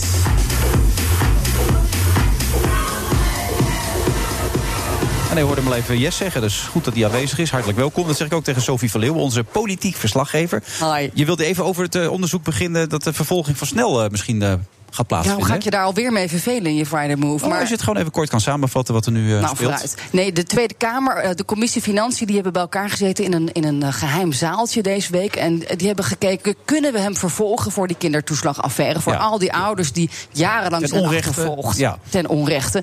En kunnen we ook ambtenaren vervolgen die schuldig zijn, die eigenlijk wisten dat die ouders in de, in de knel, knel zouden zitten. Nou, juridisch kan dat dus, dat Oh. weten we nu. Je kunt, eh, de Tweede Kamer kan een onderzoek instellen en dan uiteindelijk via de Hoge Raad de staatssecretaris aanklagen. Maar goed, dat is nog wel lastig. Dan moet je ook al meerderheden voor vinden, natuurlijk. Ja. En uh, ja, verder kun je ook nog. Uh, ja, je kunt volgens mij gewoon vervolgen die ambtenaren via het ministerie. Uh, als je daar genoeg bewijs voor hebt. Zover is het nog lang niet. Gaat ook niet gebeuren. Volgens mij gaat het niet gebeuren. Och, maar zo het werkt kan. het systeem toch? Hè? Dat gaat niet gebeuren. Ik toch, denk Rutger? dat gaat het niet gebeuren. niet gaat Nou, gebeuren. dat uh, denk ik ook niet. Maar ik vind wel dat. Ja, het is toch wel echt een kwestie uh, met die toeslagen. Als je die verhalen over die ouders ah, het is echt die heel mensen heftig, hoort. hè, hoe die mensen toch ook gedupeerd problemen, kapot. Ah, dat is echt heel heftig. En ik kwijt, het is vraag echt- me wel af, hoe kan, kan dat nou echt dan allemaal zonder gevolgen blijven? Dat vind ik wel heel heftig. Dus volgens mij, uh, ik sluit niet uit dat het uh, ambtelijk zeker gevolgen heeft. Maar of je daarmee het probleem oplost, dat vraag ik me af. Ik vind eigenlijk wel dat daar politiek gezien meer mee zou moeten gebeuren. Ja, en daar zijn die ouders ook heel boos over natuurlijk. Dat eigenlijk snel heeft gezegd, ik ga ze niet vervolgen. Er is wel onderzoek nu naar de afdeling toeslagen. En daar uh, krijgen we dan later wel te horen... Nou ja, of die ambtenaren echt grandioos hebben gefaald. Of er dan daar nog een strafrechtelijk onderzoek op volgt. Ja, dat weet ik ook niet. Maar ik, ik, wel, ik vind het wel belangrijk dat heel duidelijk wordt ja, dat dit, dit, zulke dingen kunnen natuurlijk gewoon echt niet. En dat mag natuurlijk ook echt nooit meer gebeuren. Maar het, het blijft natuurlijk wel heel zuur voor al die mensen die gedupeerd zijn. Ik vind het wel uh, een ja. hele pittige. Even het rechtse geluid van Malik erbij. Ja, nee, het is, het is natuurlijk vreselijk wat er gebeurd is. maar wat zouden er nog extra consequenties kunnen zijn? Nou, ja, Kijk, dat hele strafrechtelijke verhalen, dat gaat helemaal niet komen. Dat weten we al lang. Maar... Nee, dat, dat gaat lastig worden, schat ik zelf ook zo in. En, ja. uh, dus uh, het zal zeker ambtelijke consequenties hebben. Uh, en politieke consequenties, ja, dat debat zal gaan volgen. Ja, ja volgende week, hè? Dinsdag geloof ik in de Tweede Kamer. Is wel elke debat. week bal in de feest, Tweede Kamer. In. Dat, uh, is ja. dat niet in Amsterdam, Bon? nou, niet in deze mate. Niet in okay. deze mate. Maar ja. daarover gesproken, Mark, jij, jij kent uh, Mark Rutte goed, begrijp ik, hè? Ja, kennen, kennen. Ja, Jawel, maar je, je, je maakt hem van dichtbij geregeld mee. En, ja. ja. Hoe, hoe is het normaal gesproken met zijn geheugen? Als je hem iets leuks vertelt, een mop of zo, of iets persoonlijks, dan hoe zit het dan met zijn geheugen? Nou, om heel eerlijk te zijn, die man is uh, heel ontzettend druk. Dus er komen echt heel veel onderwerpen, ja. uh, moeilijkheden. En er kunnen 74 doden, die kunnen er zo doorheen en, nou ja, dan opeens. Wat, wat, ik, wat ik mij bij kan voorstellen is... Uh, het is allemaal veiligheidsinformatie, secret informatie... en dat destijds in het verleden. Hè, het is ook waarschijnlijk mogelijk tussen de andere dingen door gezegd is. Uh, maar dat hij daar geen herinnering aan heeft. Om eerlijk te zijn, geloof ik dat. Als ik zie. Uh, het zou raar zijn als je het niet zo zegt, nee, namelijk. Dat is het dat probleem is een beetje. Nee, maar ook echt als je, als je meemaakt wat er bij die man op het bordje komt. Of welke verschillende vraagstukken op een dag. Ja, de aantallen was. Er was onderzoek naar. Uh, dus er zal nog een onderzoek komen. Dus als er ergens een onderzoek is, ja, dan haal je dat even uit denk ik, uit je hoofd. Als het al is gezegd, als ja. het al is gezegd, haal je dat uit je hoofd. En ben je met het oplossen van het volgende probleem uh, te maken. Zo werkt dat. En denk ja. je dat hij ook geen wachtgeld heeft gekregen? Want dat kan hij zich ook niet herinneren. Wat flauw. Is dat flauw? Hebben jullie trouwens wel eens wachtgeld? Je hebt, Rutger, jij bent, ja, uh, je bent wethouder. Die krijgen ook wat wachtgeld, toch? Als je straks als, als in de Tweede ik, uh, Kamer gaat zitten. Ik ga niet in de Tweede Kamer zitten. Uh, nee, als ik... Uh, ik kom gezellig in TP, toch? Of niet, Rutger? nou, die verkiezingen duren nog een hele tijd. Krijg je dan nee, ook wachtgeld? Nee, nee, ik, nee ik, ik, vind wel... want ik geloof, hè, ook, een, ook een partijgenoot van mij maakte daar gebruik van. Ik vind dat je dat gewoon niet moet doen. laten we daar gewoon eerlijk over zijn. Ik vind dat je als Tweede Kamerlid... krijg je echt een prima salaris. Uh, en ik vind dat je in die dubbelheid van die functies dat gewoon niet moet doen. Als je als wethouder inderdaad op moet stappen, hè, dan, uh, dan is er de mogelijkheid van wachtgeld. Maar ik vind dat je als wethouder uh, of als oud-wethouder, net zoals je van ieder ander mag verwachten dat je weer aan het werk gaat. Maar een vorm van wachtgeld kan ik me wel voorstellen als je kijkt naar hoe snel mensen weer aan het werk komen. Maar in die dubbelheid van functies vind ik het wel ingewikkeld uit. Of welke GroenLinks hadden we het dan? Isabelle Dix. Oké, okay, want ik ben niet daar helemaal van. Ja, ik, weet, ik weet wel dat Lodewijk Asscher en Lilian Ploemen er wel van afgezien hebben. Hè? Ja. Die, die hebben het dus niet gedaan. Nee, nee, en, en, ik vind dat eigenlijk logisch. Omdat je als. Ja, kijk, uh, ik vind de beloning van, uh, van parlementariërs prima. Uh, want die werken echt keihard. Hè. Dat zijn allemaal mensen die zich echt volledig inzetten voor de publieke zaak. Maar je moet niet die, in die dubbelheid van functies, vind ik dat moeilijk uit te leggen. Ja, dus Klaas Dijkhoff, dat kan niet. Ik heb daar, persoonlijk vind ik van niet, nee. Nee, Klaas Dijkhoff, dat kan niet. Ja, daar kijk je mij naar. Ja, ja. De, de, wet zegt van wel. Dus, uh, en, en, ja, en dan is de vraag of je het doet. Ja, dat is aan uh, ieder uh, te beoordelen. Ja, wat had dan, jij gedaan? Nou ja, ik heb nooit in die positie gezeten. Daarom vraag ik aan jou, wat had jij gedaan?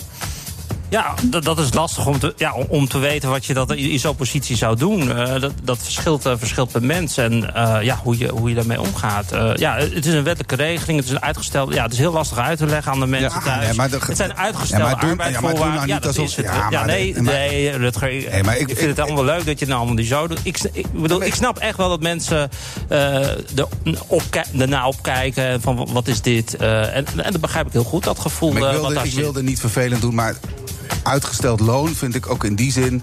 Het klopt, hè, wettelijk mag het. Dus, uh, nou ja, we hebben een er, is, er is niks. Er is... Nee, voor Kamerleden zijn geen uitzonderingen gemaakt. Er zijn wel uitzonderingen gemaakt van de minister naar staatssecretaris. Dan is er wel weer een uitzondering in de wet gemaakt. Dus de wetgever heeft daar iets bij beoogd. Ja, en wat heeft de wetgever erbij beoogd? Dat je als minister vandaag of morgen zeg maar weg kan zijn. Dat die bananenschil voor je deur ligt en dat je dan weg kan zijn. Nou, dat betekent voor veel van die winstpersonen die ook op de lijst staan van een Kamer bijvoorbeeld. Dat ze dan terugvallen in kamer, als Kamerlid. En dan heb je een, een, een voorwaarde uh, dat, uh, dat je dan nog een verlenging krijgt van, van, van het salaris. Uh, wat beoogd is in de pensioenafspraak wat aangekomen. Dus het is eigenlijk een combinatie van, van arbeidsvoorwaarden. Maar ik wil het hier niet gaan verdedigen. Ik bedoel, ieder moet zichzelf daarin Juist. verdedigen. Ik wil ook nog niet doorzeuren. We gaan, we gaan zo Europa. Je bent ook blij dat je Europa ingaat volgens mij. Ben je dat gezeik hier een beetje kwijt? Nou, dat zit er altijd. Ja, nee, daarom. Dat, uh, heerlijk inderdaad. Ja. Tot zo.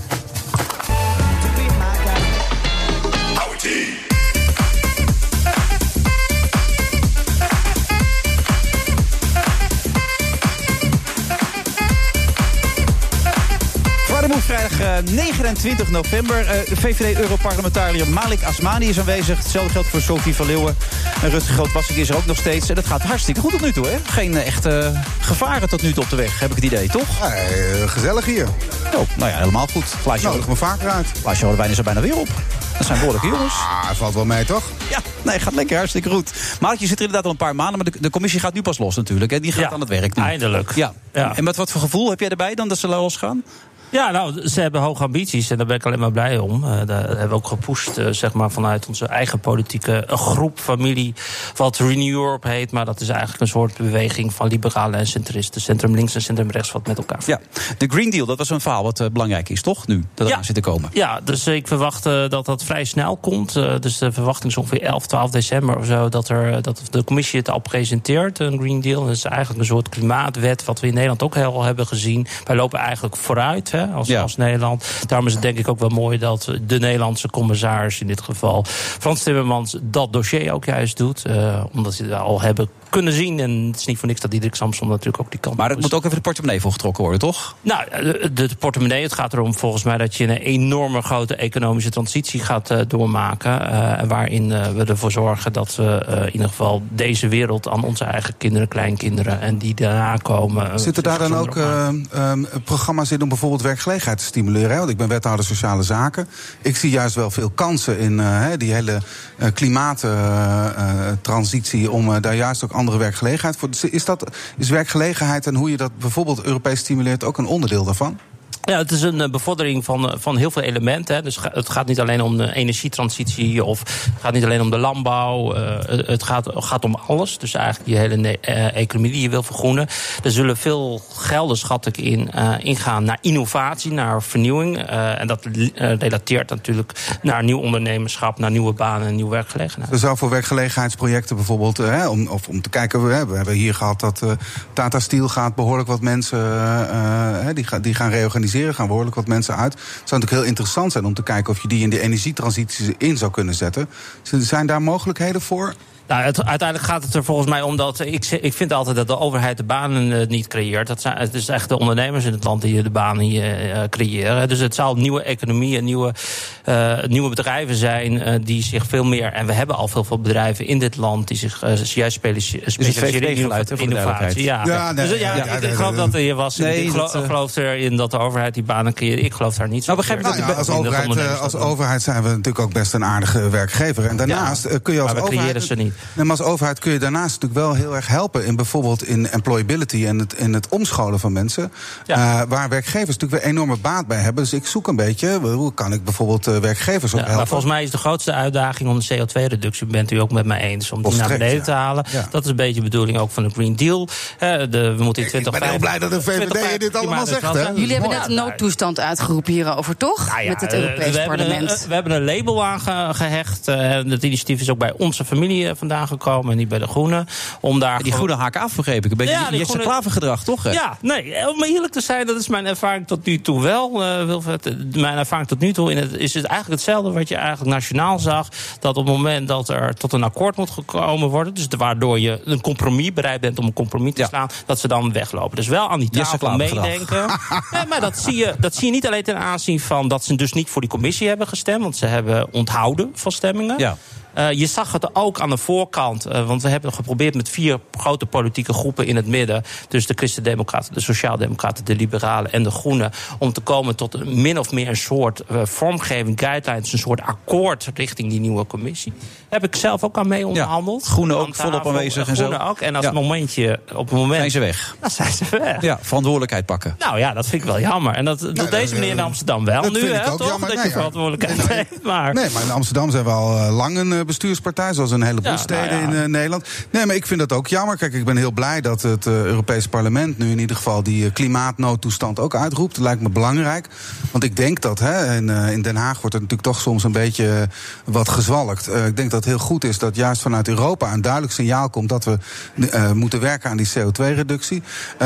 dus eh, daar ben ik heel blij Maar mee. wat vindt je achterban hiervan? Want die VVD'ers die zijn ook Ja, wel een er beetje boos. Met eh, maximumsnelheid en allemaal maatregelen. Ja. Nu gooien we alles op één hoop. Hè, want dat heeft te maken met, met stikstof eh, en het aanwijzen van natuurgebieden. Eh, dit heeft Ja. te maken met eh, wat je wilt doen. Namelijk ervoor zorgen dat onze toekomstige generatie gewoon ook van een gezonde eh, wereld mag genieten. Maar krijg je nooit en wat, en wat, dat dan moet, nee, wat er dan moet gebeuren, dat het dus betaalbaar behapbaar is. Dus dat het niet zo is dat, eh, dat, je, dat je maar bedenkt, oh, we moeten met z'n allen elektrisch rijden. Terwijl een modaal gezin in Nederland natuurlijk niet meteen een elektrische auto kan, kan, kan kopen. Dus je moet reali- realistisch zijn.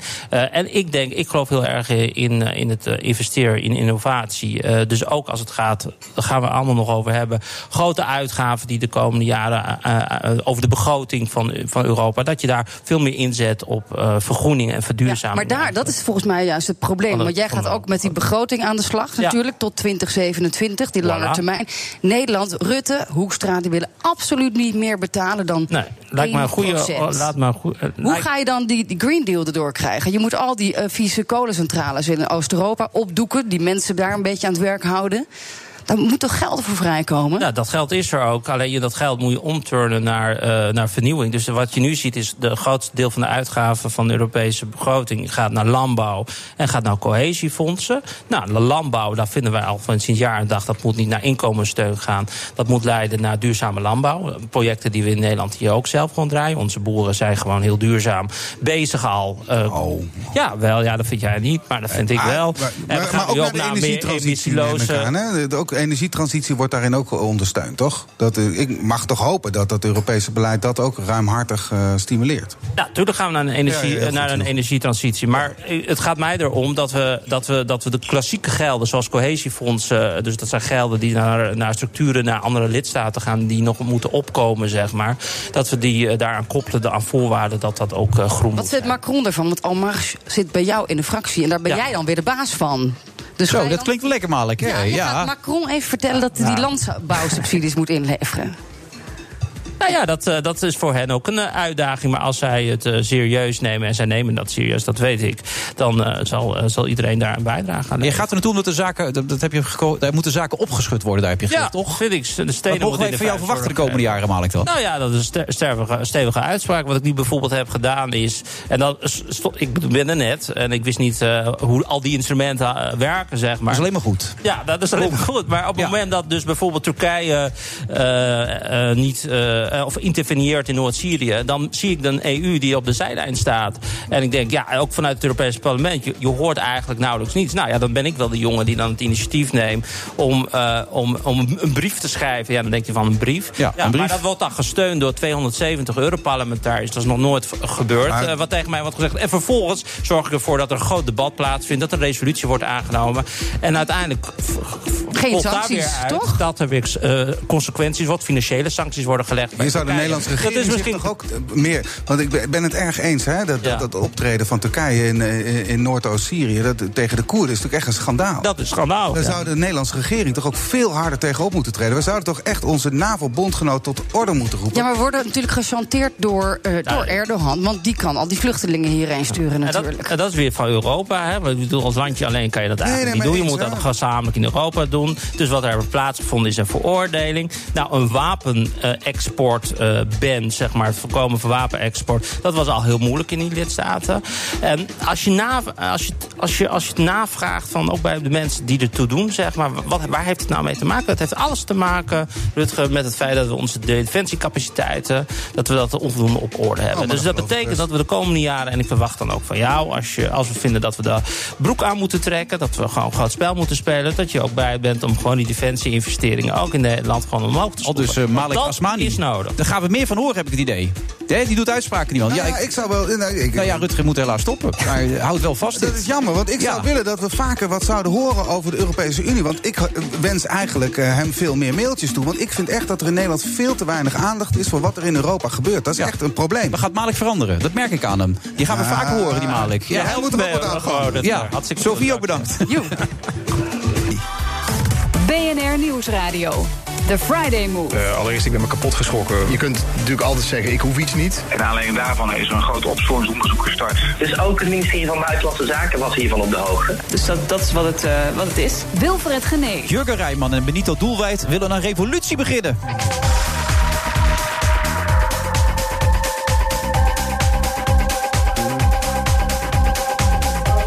Move eh, van de 29 november. Skylands Doubletree bij Hilton Hotel. Afgeladen vol, maar er kunnen nog steeds een paar mensen bij. Krijg je ook nog een koptelefoon op. Kun je het gesprek ook nog volgen. Is ook wel eens lekker. En onze eigen DJ is er ook. Hey, wat, wat is dat, Cor? Cor staat mee te kijken bij onze DJ. Niet, niet de DJ afleiden, Cor. Niet doen, Cor. Het is onze eigen DJ. Tom Thompson.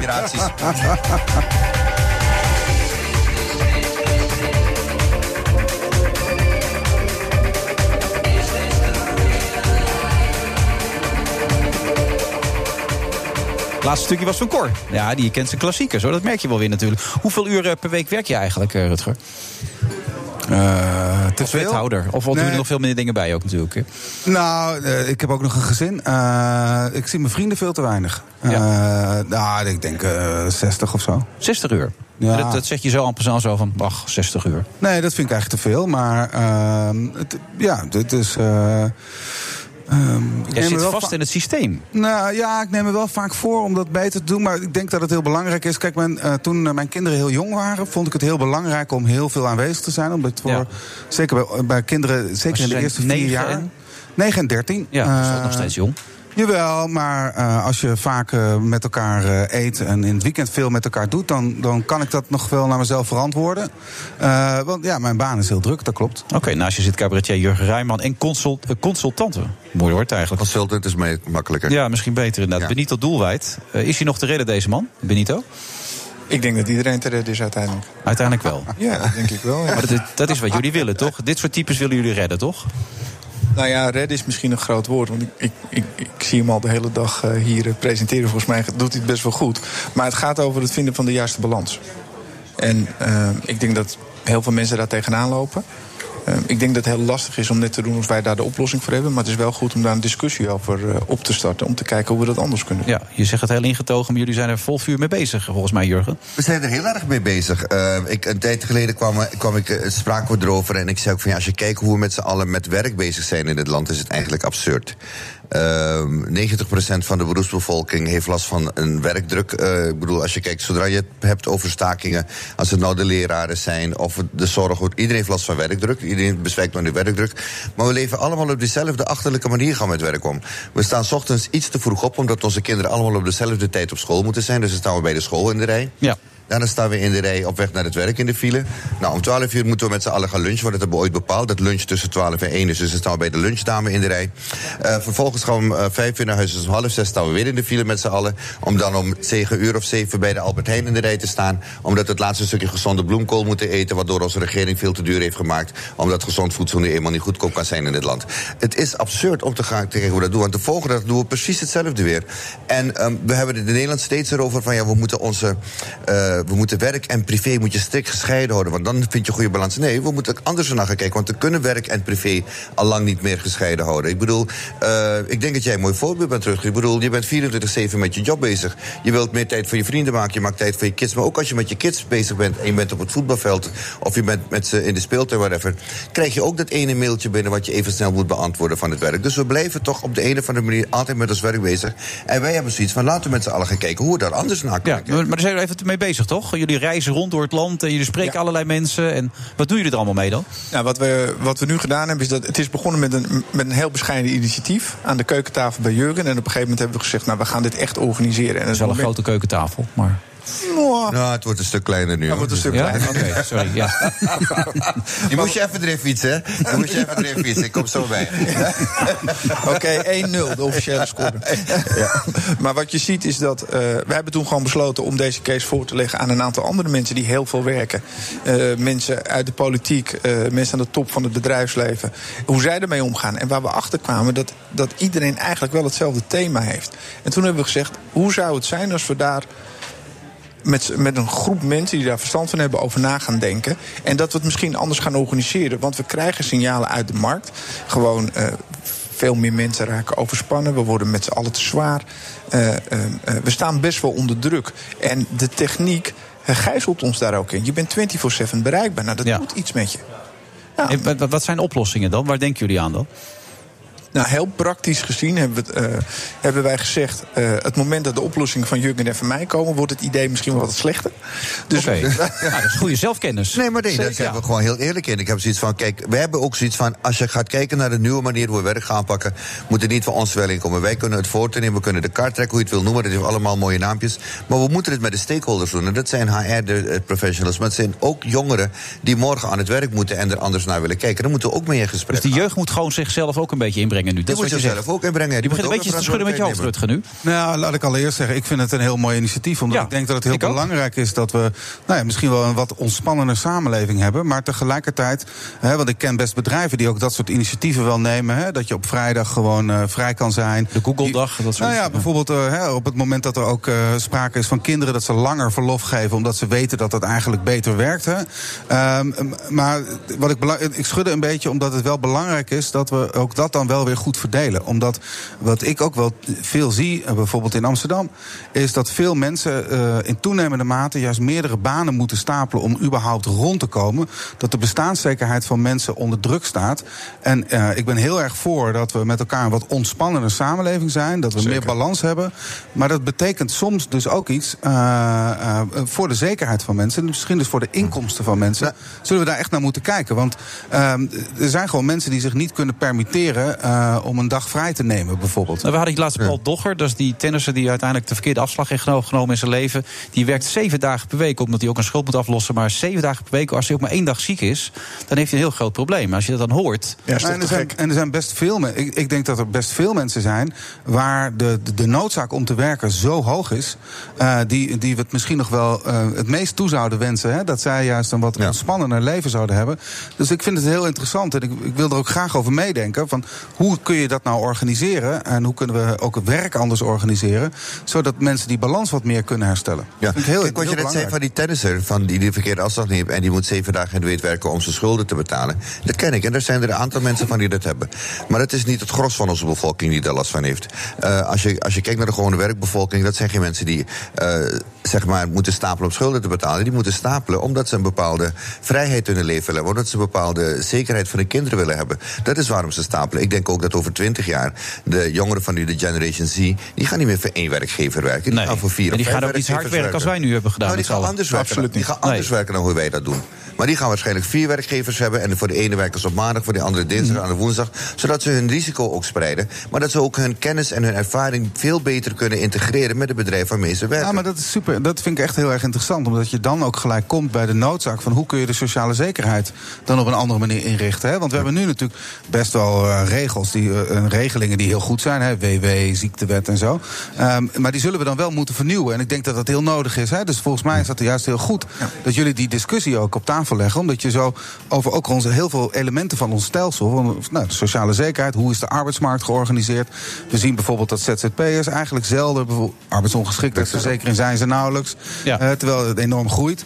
Eh, ik denk dat het heel mooi is dat we hierdoor. Ja, de man onder missie, die- on YouTube, maar ook een tv-programma willen jullie zo snel mogelijk eigenlijk, toch? Nou, wat, er- wat er gebeurd is, is omdat Jurgen en ik af en toe wel een interessante dynamiek hebben. Althans, dat vond eh, degene die ons moest begeleiden. Eh, wij kibbelen nog wel eens. En toen zei iemand, eh, ja, dit moet je gewoon En dat was niet de intentie. Maar eh, we- stevenen daar nu wel langzamerhand op af. Maar wat eigenlijk veel belangrijker is, is eh, om, om vast te stellen... dat als je gaat kijken naar de ontwikkeling van mensen voor de komende periode... dat we op heel veel vlakken hebben heel veel innovaties doorgemaakt. Maar als het gaat over het opleiden en ontwikkelen van mensen... staan we eigenlijk stil. En met name op dat vlak, wij geloven dat meer kennis leidt tot meer inzichten. Maar laten we dan ook faciliteren dat het tot je nemen van kennis ook leuk wordt. Maar is dit een oproep aan, de, aan iedereen die nu luistert om mee te doen aan deze... Nou, wat we gedaan hebben is dat we hele strategische posities ingenomen. We zijn echt top-down zijn we begonnen. We zijn echt bij de top van de politiek geweest, de top van het bedrijfsleven. En wat we, we hebben daar eh, mensen gevonden die het met ons eens zijn. En zo begint het. Maar uiteindelijk, en dat is misschien nog wel het belangrijkste, willen wij dat de verandering komt van de mensen, die, mensen zelf. Van de Ja, mensen zelf. Dus wij gaan echt in gesprek met HR-professionals. Wij, we- zitten niet op te wachten op de beroemde architect of op de hoogleraar op het gebied van arbeidethiek. Nee, het moet vanuit de mensen zelf komen. Want een van de blunders uit het verleden, want we leren ook van de mensen die ons zijn voorgegaan, is dat zij heel vaak hebben gekozen. eh, eh, om niet in gesprek te gaan met de mensen die het betreft. En die blunder willen wij niet maken. Dus we gaan met eh, iedereen in gesprek. Het is een goed initiatief, dit. Dankjewel, man. Ga zo We door. er Heel, zeker goed. voor. Heel kort trouwens, de uitspraak in Suriname zojuist. Hè? Ja. De decembermoorden. Twee mensen zijn al vrijgesproken daar. Ja, eh Etienne Boerenveen is vrijgesproken, heb ik begrepen. En Jerry Stolk. Eh, dat waren twee. eh Stolk was sowieso al. eh ze, willen ze vrij, er was vrijspraak voor gevraagd. Eh, maar Boerenveen, daar was 20 jaar tegen geëist. Net zoals tegen Boutersen. Dus eh, Ja. ja. aan het eind van de dag moet eh, zeg maar, het vonnis over Bouters worden uitgesproken. Hij zit nu in China. Eh, ik ben benieuwd als hij terugvliegt. Ja. Nou ja, volgende week, eh 8 december, natuurlijk weer herdenking van eh, die verschrikkelijke moorden. Waar dit allemaal om gaat. Ja. Ik hoop eh, dat, eh, dat de daders toch een straf eens krijgen. ja, maar ik zie al twee mensen vrijgesproken worden... waarvan eentje een straf van 20 jaar zou moeten krijgen. Ja. Wat zeg jij? Eh, nou, ik, ik, ik, ik, ik ken de case niet goed genoeg om te weten waarom hij vrijgesproken is. Van Nee. Jerry Stolk wist ik dat er niet genoeg bewijs tegen hem was. Maar als je kijkt wat zich gestapeld heeft door de jaren heen. At at the end of the day waar het om gaat, de nabestaanden moeten gewoon een uitspraak hebben. Dat verdienen die mensen ook Ja. na al deze jaren. En ehm, ja, ik, ik hoop echt dat er ook echt veroordelingen vallen. Zodat deze mensen tenminste met een gerust hart naar huis kunnen gaan aan het eind van de dag. Dankjewel, eh Jurgen. Alsjeblieft, man. Benito.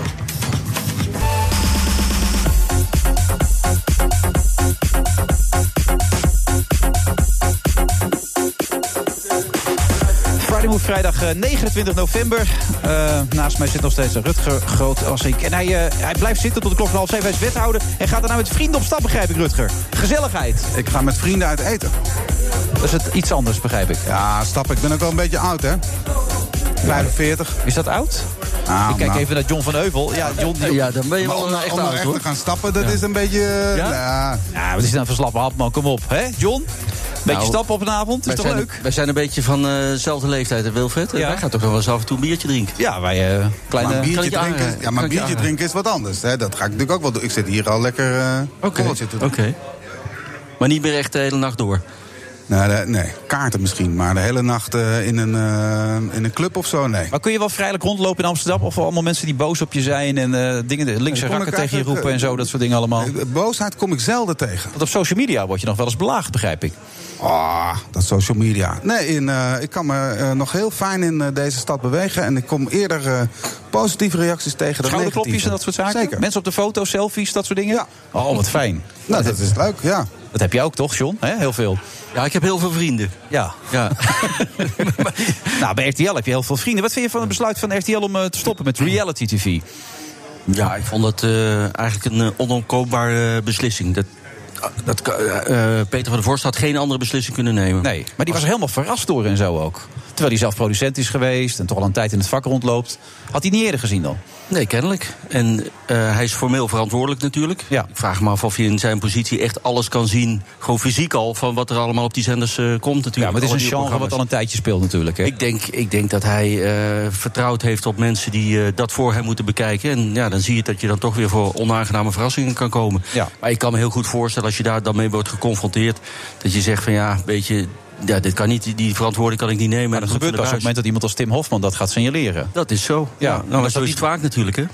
Dat mensen Als, dat ik denk doen. als Tim Hofman eh, zijn mond had gehouden... of, of daar verder niks mee had gedaan... dat, eh, dat er niet op, ophef was Nee, dan was het nog gewoon doorgegaan. Dan was het nog gewoon op tv geweest. Ja, ja, ja, maar kennelijk heeft dan toch ook, zijn er dan toch ook geen kijkers geweest... die hebben gezegd van nou, weet je, dit gaat te ver... of we gaan eens met de RTL bellen of kandidaten. Het is eh, heel apart dat dat dan op zo'n manier...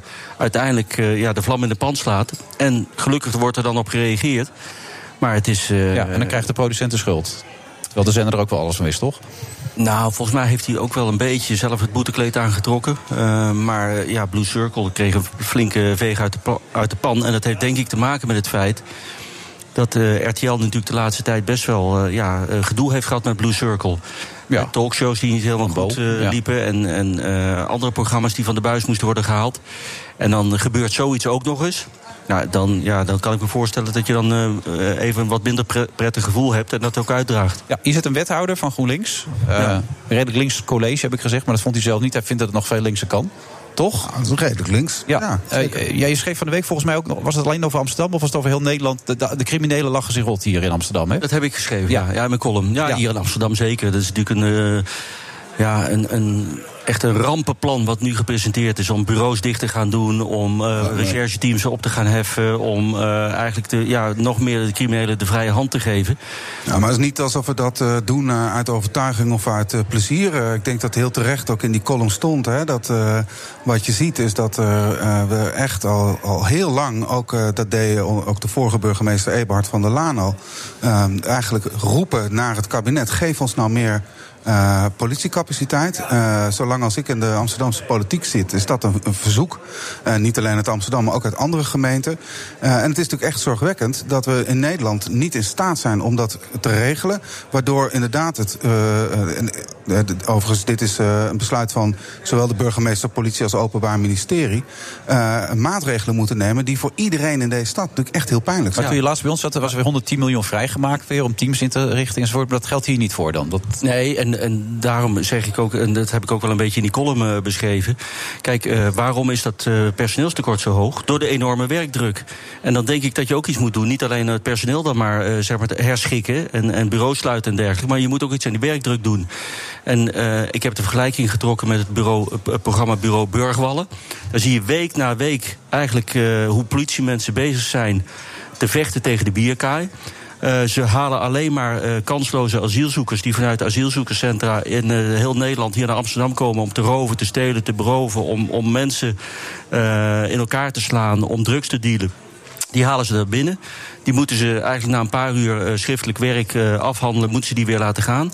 En dat blijft maar doorgaan en dat blijft maar doorgaan. Dat is om moedeloos van te worden. En, en daardoor ontstaat ook die werkdruk. Dus ik denk dat je de politie niet alleen helpt door allerlei eh, mensen te gaan herschikken, maar ook vooral helpt om die werkdruk te verminderen. Maar dan direct, eh, direct eens.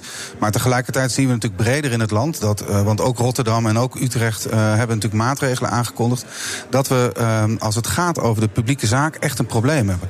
Want het zijn politieagenten, leraren, maar ook in de zorg hebben we natuurlijk echt serieuze personeelstekorten. En voor de politie in een stad als Amsterdam.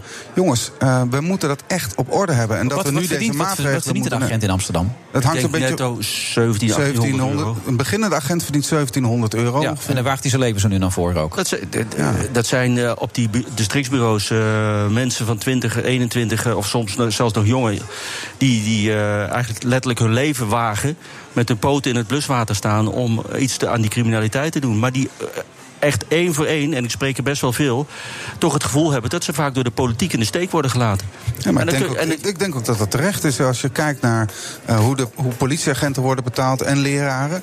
dan zie je gewoon dat, dat we in die publieke sector echt wat anders moeten doen. En dat we echt ook de waardering... eh, eh, want onze veiligheid, iedereen is voor veiligheid. Hè? Dat we de waardering voor bijvoorbeeld de agenten...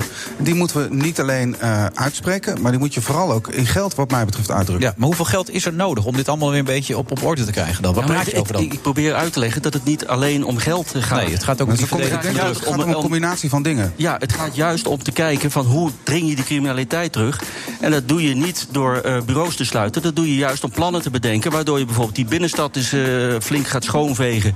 En do- door iets te ontwikkelen. Waardoor je eh, asielzoekers die hier niks te zoeken hebben. Die uit veilige landen komen. Die hier alleen komen om misdrijven te plegen. om juist die groep. ik heb het dus niet over algemeen eh, asielzoekers. Maar juist die groep.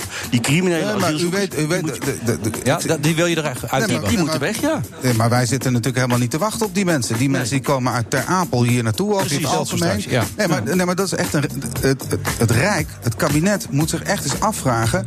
waarom zij mensen gewoon op straat zetten zodat ze hier naartoe komen. Want deze mensen hebben geen perspectief in dit land.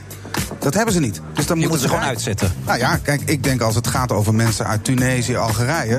eh, eh, je moet natuurlijk daar de internationale eh, verdragen voor volgen. Maar ik ben er natuurlijk niet voor dat die mensen hier dan maar naartoe komen omdat we hier wel echt genoeg andere dingen aan de orde hebben. Maar, eh, dus werkdruk is zeker een factor.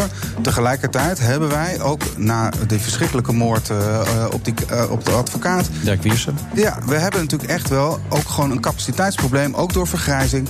Er zijn gewoon veel meer agenten nodig. En ik snap ook wel dat je dat niet in één keer regelt. Hè, want mensen moeten ook opgeleid worden. Maar volgens mij is er een veelvoud van dingen nodig. Dus en meer opleiden, meer capaciteit, betere beloning. eh, en lagere werkdruk. Dat is gewoon nodig. Ja, maar het zijn er wel behoorlijk wat factoren dan om dat allemaal voor elkaar te krijgen. Gaan we zo over doorpraten. BNR Nieuwsradio. The Friday Move. Eh, allereerst, ik ben me kapot geschrokken. Je kunt natuurlijk altijd zeggen, ik hoef iets niet. En alleen daarvan is er een groot opsporingsonderzoek gestart. Dus ook het ministerie van Buitenlandse Zaken was hiervan op de hoogte. Dus dat, dat is wat het, eh, wat het is. Wilfred Genee. John van Heuvel legt de cocaïneroute naar Nederland bloot in zijn nieuwste documentaire Cocaïneoorlog.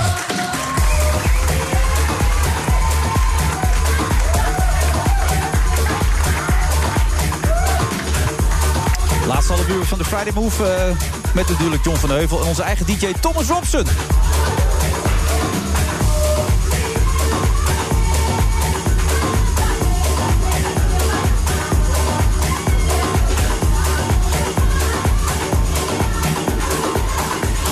Tot half zeven ook eh, GroenLinks-wethouder eh, Rutger Groot-Wassink. Het, het wordt hier dus niet fijner op die manier met die criminaliteit. Dat is wel de conclusie die we net mogen trekken. Nou ja, ik denk dat eh, Amsterdam, net als een heleboel andere grote steden, te maken heeft met een eh, stevig criminaliteitsprobleem. Natuurlijk is dat een, eh, iets wat eh, denk ik iedereen zorg baart. Ja. Eh, GroenLinks, even naar de burgemeester. Hoe zit het nou met het pistool van die man van er? Hoe, hoe is dat eigenlijk opgelost? Daar weet ik echt helemaal niks van. Daar ga ik Nee, echt niet? Nee, natuurlijk niet. Hoe is dat opgelost, John? Volgens mij is een eh, schikkingsvoorstel in de maak of reeds getroffen. eh, met de man van de burgemeester om eh, ja, dit zeg maar af te doen met een eh, boete of een werkstraf. En dan, eh, ja, dan is het ook echt helemaal afgedaan. Dat is klaar. Vond je ja, dat de blijft- media- dat blijft overigens wel een, eh, iets wat op eh, ja, zijn, zijn strafblad blijft staan. Het is een misdrijf wat er is gepleegd. Ja. Dus, dus dat is wel vervelend. Als je bijvoorbeeld een visum wil aanvragen naar Amerika of zo, dan kan het nog wel eens gedoe geven. Maar, eh, maar goed, het, het, is, het, is op die manier afgedaan. Ja, je werd er een beetje ongemakkelijk door, eh, had ik voor de eerste keer in deze uitzending, Rutger. Nee hoor, helemaal niet. Alleen ik, nee, ik weet er gewoon echt niks vanaf. Ik ben de hele dagen bezig om te zorgen mensen aan het werk te helpen. En ik weet echt niet eh, hoe dat staat met eh, eh, dat pistool of een, eh, de schikking. Dat eh, weet ik gewoon niet. Nee, dat vraag je niet even aan hoe het gaat. Nou, ik vraag wel hoe het eh, met de burgemeester gaat, maar Ja. niet eh, hoe dat precies zit. Nee. Oké, dat zou ik wel gevraagd hebben als ik iemand een beetje kende. Maar misschien is het al Ja. iets voor mij dan. Ik weet het ook niet allemaal. Ik ben niet zo geïnteresseerd in wapens. Nee? Nee. Ook niet als het van de burgemeester is en dat het een beetje een handige situatie was. Maar het was niet van de burgemeester. Nee, van de man van de burgemeester. En dat, die had er weer meegenomen. Nou ja, goed, whatever, weet je wel. Ehm, van de week trouwens weer een vervelend verhaal. We hadden elkaar even aan de lijn. Dat je weer bedreigd was terwijl het OM je dat niet voor gewaarschuwd had. Dat is inmiddels in de midden geschikt, begrijp ik nu helemaal? Nou, in de midden geschikt. Eh, het OM heeft eh, erkend dat dat niet zo had gemoeten. En eh, ze hebben excuses aangeboden. Nou ja, dat is, dat is dan geaccepteerd. En ja, verder weer over tot de orde van de dag. Het was de moordenaar van dat... ja, Meisje dat meisje, Mayra, 16-jarig ja. meisje. En ja, die had op 11 november vanuit de gevangenis... wat hele onfrisse teksten gebezigd via de telefoon... over mij en over Peter R. de Vries. Echt in bedreigende zin. En op basis eh, van dat afgeluisterde gesprek is hij overgeplaatst eh, naar een, eh, ja, een eh, soort isolatie eh, of geïsoleerde afdeling. En, uh, maar dan is het wel prettig als dat soort dingen spelen... dat wij ook zelf even op de hoogte worden gesteld. En dat was niet gebeurd en uh, nu wel, gelukkig. Ja, dus... Doet het je nog wat, dit soort dingen? Of ben je inmiddels redelijk immuun daarvoor? Ja, eigenlijk wel. Dus ook niet goed. Maar nee, ik kan daar niet uh, heel erg warm of koud meer van worden. Je weet gewoon dat je in dit vak soms op hele gevoelige tenen gaat staan... en dat mensen daar dus soms boos over zijn. Ik heb dat ook in mijn loopbaan vaker meegemaakt. Het is niet leuk. Uh, aan de andere kant ja, begrijp ik het ook wel. Als iemand uh, in de gevangenis zit, ik ga weer over tot de volgende zaak... en ik roep of schrijf er iets over... Maar zo iemand zit, uh, ik geloof dat de strafwijs 20 jaar in TBS was... die zit uh, dat allemaal te bekijken. En die kan dan wel eens uh, natuurlijk wat minder aardig reageren. Dat, ja. snap ik. Maar ook dat je nu veel over Taghi bericht... en dan zegt dat het misschien steeds dichterbij komt... en waar die nu zit in Iran enzovoort. Ja. Wordt, wordt dan voor jou de druk ook hoger daardoor? Of werkt dat niet zo? Nee, ik blijf gewoon, dat heb ik me echt voorgenomen. Ik blijf gewoon mijn werk doen. En ondanks dan de dreiging die bij dit werk past... ja, als ik een stap terug zou doen nu... Hm? Dan zou ik het gevoel hebben dat uh, 28 jaar dat ik nu in het werk zit, uh, dat dat een beetje voor niks is geweest. Want op het moment dat je nu stopt, dan uh, denk ik dat ik zelf knap gefrustreerd zou raken. Maar het zou ook betekenen dat de, de dreiging die er dan is naar collega's wordt verlegd. Want op het moment dat ze in de gaten krijgen dat intimidatie dus echt werkt bij journalisten of bij politici of ja. bij rechters of officieren van justitie. Ja, dan zitten we echt wel met een heel groot probleem. Ja, nou ja, goed dat je dat zo Kijk, voelt. Uh, dat, dat heb je natuurlijk ook gezien met, met uh, Dirk Wiersum. Uh, hoe, hoe ontwrichtend eigenlijk zo'n moord is. En hoe uh, dat de angst in de maatschappij uh, laat sluipen. En hoe zelfs de angst bij misdaadbestrijders. Dat zelfs officieren van justitie en, en rechters en griffiers zich ongemakkelijk en onveilig gaan voelen. En nu plotseling niet meer tijdens processen bij naam genoemd willen worden. Ik denk dat dat een heel slecht signaal is. Ik denk dat we nu met elkaar gewoon wel de rug recht moeten houden. En moeten blijven uitstralen dat we. Uh, blijven opkomen voor die rechtsstaat.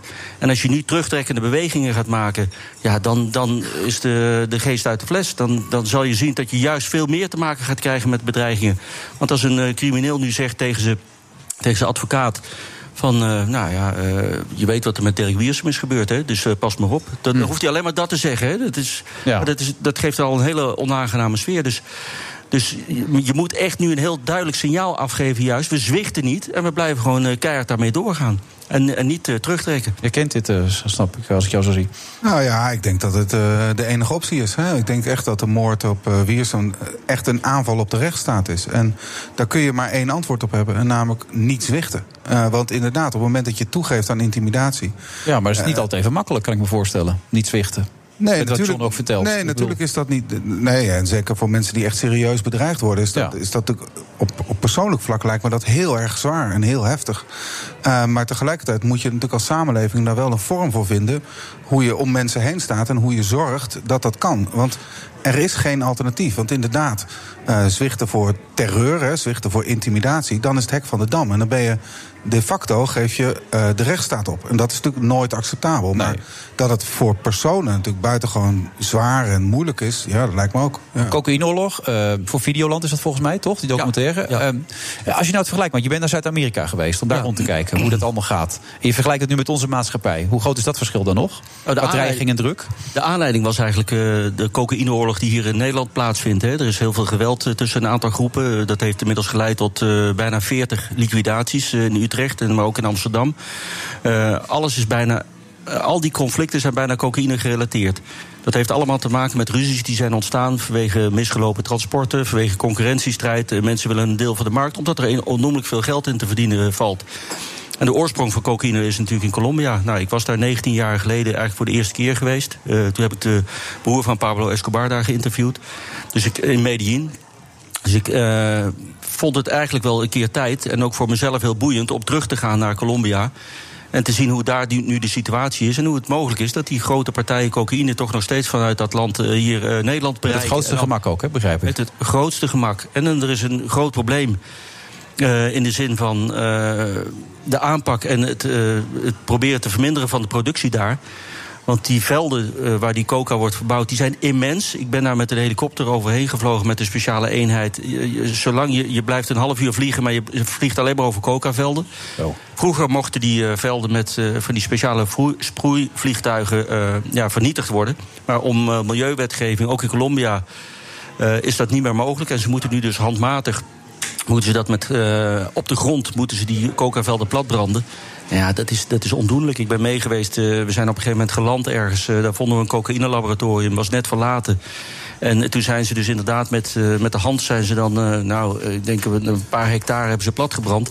Maar vervolgens stap je weer in de helikopter en dan zie je weer Zo. hoe immens dat is. Dus.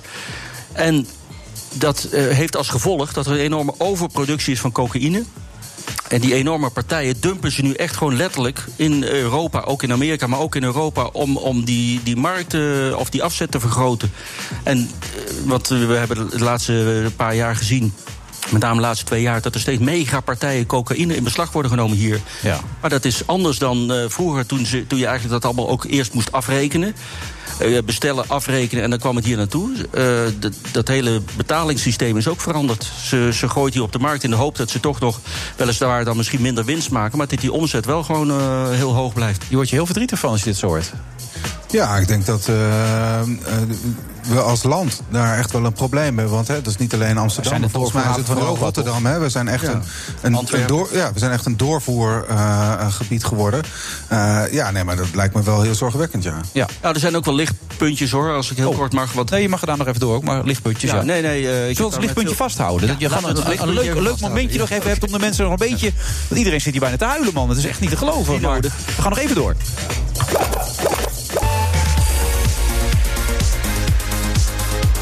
We zitten in de absolute slotfase van deze uitzending van de Friday Move. Vrijdag 29 november. We hebben nog maar twee minuutjes ik. Maar we willen nog naar de positieve punten van John van Heuvel toe. En nog een slotwoord zometeen van Rutger Grootwassing natuurlijk. Wat zijn de positieve punten dan die je gezien hebt? Nou, wat ik heel goed vond daar in uh, Colombia... is dat ze toch echt er wel werk van maken. Ik dacht, dat is gewoon uh, daar één Sodom en Gomorra geworden. Maar dus ze proberen er echt werk van te maken... om die, lijn, uh, om die stromen toch een beetje tegen te houden. Maar ze doen een dringende appel op ons, op de, op de politie hier, op de, de, samenleving... om ze daarbij te helpen. En dus veel meer internationaal samen te werken. En dat is denk ik een belangrijke uitdaging voor, voor opsporingsdiensten... maar ook voor de politiek, om dat uh, mogelijk te maken. Maar het wordt hier zo makkelijk gebruikt, John. Iedereen lijkt wel aan de cocaïne te zitten hier. Ja. Het wordt er bijna niks voor betaald. Dan ja, moet er een mentaliteitsverandering komen. Maar dat ga ik niet redden in twee minuten. Maar nee. dat, dat, dat, is echt een uh, punt natuurlijk... waar ik uh, ook nog wel eens uh, iets over zou willen zeggen. Misschien dat we daar nog eens een keer later over kunnen ja, hebben. lijkt me goed. Maar dat is een belangrijke onderdeel. Wat, wat zou je Rutger mee willen geven in deze stad? Nou, met name uh, dat punt, die vraag naar cocaïne terugdringen. Dus niet alleen uh, de straathandel en criminelen pakken... maar ook aan de gebruikerskant proberen bewustzijn te, het meer bewustzijn te creëren. En uh, blijf gewoon vooral die politie een uh, hart onder de riem steken. Ja. En ze niet alleen in woord, maar ook in daad te helpen. Je hebt nog ongeveer 30 seconden om uit te leggen... hoe jouw Amsterdam eruit gaat zien de komende jaren, Rutger. Nee, dat ga ik helemaal niet doen. Ik uh, denk dat Amsterdam heel goed op weg is om een uh, nog mooiere stad te worden. En ik vind het eigenlijk heel jammer dat we het helemaal niet over voetbal hebben gehad. Niet over PSV, de graafschap. Dat vind ik helemaal niet, niet over PSV. dat was toch hartstikke oh, mooi? Ja, was dat slecht. Ajax was hartstikke goed. Ajax was goed, nee, ja. Dus ik vind het... Ja, nee hoor, ik ga, toch nu niet, ik ga toch nu niet een of andere verkiezingsriedel er nog uitgooien. Houd toch op. Maar het beste gaat nog komen wat jou betreft? Als het gaat om uh, GroenLinks en dit college? Nee, maar wij zijn, wat ik zei, hè, we hebben een peiling gehad. Dit college wordt door een meerderheid van de Amsterdammers ondersteund. GroenLinks is nog nog de grootste seconden. partij in de peilingen. Volgens mij gaat het hartstikke goed met deze stad. Nou, is goed op door. Het wordt nog iets linkser de komende jaren dat je dat weet. Rutger, bedankt. Jou ook, John, John trouwens. Graag gedaan. Allereerst, ik ben me kapot geschrokken van de bevindingen van het gesprek gisteravond met de betrokken kandidaten. Uh, de makers van het programma van Producent Blue Circle. Ja, zorgelijk. Dat moet echt beter. Je kunt natuurlijk altijd zeggen, ik hoef iets niet. Dus je kunt als je een baan hebt ook zeggen, ik laat mijn vakantiegeld maar zitten. Save big at Midas with these incredible Black Friday deals. Als, als het verdrag dan door de Tweede Kamer komt... dan heeft het kabinet geen meerderheid in de Eerste Kamer. Dus daar, uh, daar zou CETA kunnen sneuvelen. Dan zou het aantal files met 40% afnemen. Ik vind het niet geloofwaardig. En als het echt zo is gegaan zoals in die brief staat... dan is het gewoon nalatig van de minister van Defensie. En aanleiding daarvan is er een groot opsporingsonderzoek gestart... waarbinnen onder meer twee politie-infiltranten zijn ingezet. Het piept en het kraakt, dat zeg ik al jaren. En met mij alle collega's. Nou, ik heb nog nooit in mijn leven collega's gehad... en ik ben niet van plan ooit collega's te hebben. Wij zijn ambtsgenoten, we zijn geen vrienden van elkaar. Maar het is ja. geen probleem van de kat, het is een probleem van de regering, van het landbouwbeleid. We zijn als Kamer gewoon gepiepeld. Bedankt voor de kattenbrokken, de whiskas, de shiba en al het andere lekkers. Hier, voor jou, vogel. Save big at Midas with these incredible Black Friday deals. Dus dat betekent dat het niet juist is geweest... dat minister Hennis daar destijds niet alarmerend over heeft gesproken. Wat je ziet is dat snel snel, eh, keer op keer moeten we de informatie uit hem trekken. En er komt steeds weer een nieuw lijk eh, uit de kast. En ik vind dat wel ernstig. En de overheid die zegt van ja, dat is toch wel heel erg duur voor ons. Want dan missen we een heleboel belastinginkomsten. Dat is ook niet meer nodig. Ja, zorgelijk. En niemand heeft hierop gehandeld. Helemaal niemand. Nou, dat is meteen altijd uw eerste vraag, aftreden of niet? Dat eh, komt vooral omdat het eh, druk is met files. We zijn als Kamer gewoon gepiepeld. Save big at Midas with these incredible Black Friday deals. Dus dat, dat is wat het, eh, wat het is. Ik zou niet in dit programma zijn, denk ik, als ik niet zou vermoeden dat er toch wel eh, iets erg mis is gegaan. Dank u wel, mevrouw de voorzitter. Eh, collega Baudet eh, ziet een motief. Ik ben geen collega, ik ben een ambtsgenoot. En als het goed gaat, heeft iedereen er lol van. Maar als het fout gaat, betaalt de polishouder. Everybody's getting rich. And I'm working my ass off. That I can tell you. De Friday Move wordt mede mogelijk gemaakt door TUI. Bij BNR ben je altijd als eerste op de hoogte van het laatste nieuws. Luister dagelijks live via internet. Bas van Werven. En heel langzaam komt de zon op rond dit tijdstip. Je krijgt inzicht in de dag die komt op BNR, het Binnenhof in Nederland en de rest van de wereld. De Ochtendspits. Voor de beste start van je werkdag. Blijf scherp en mis niets.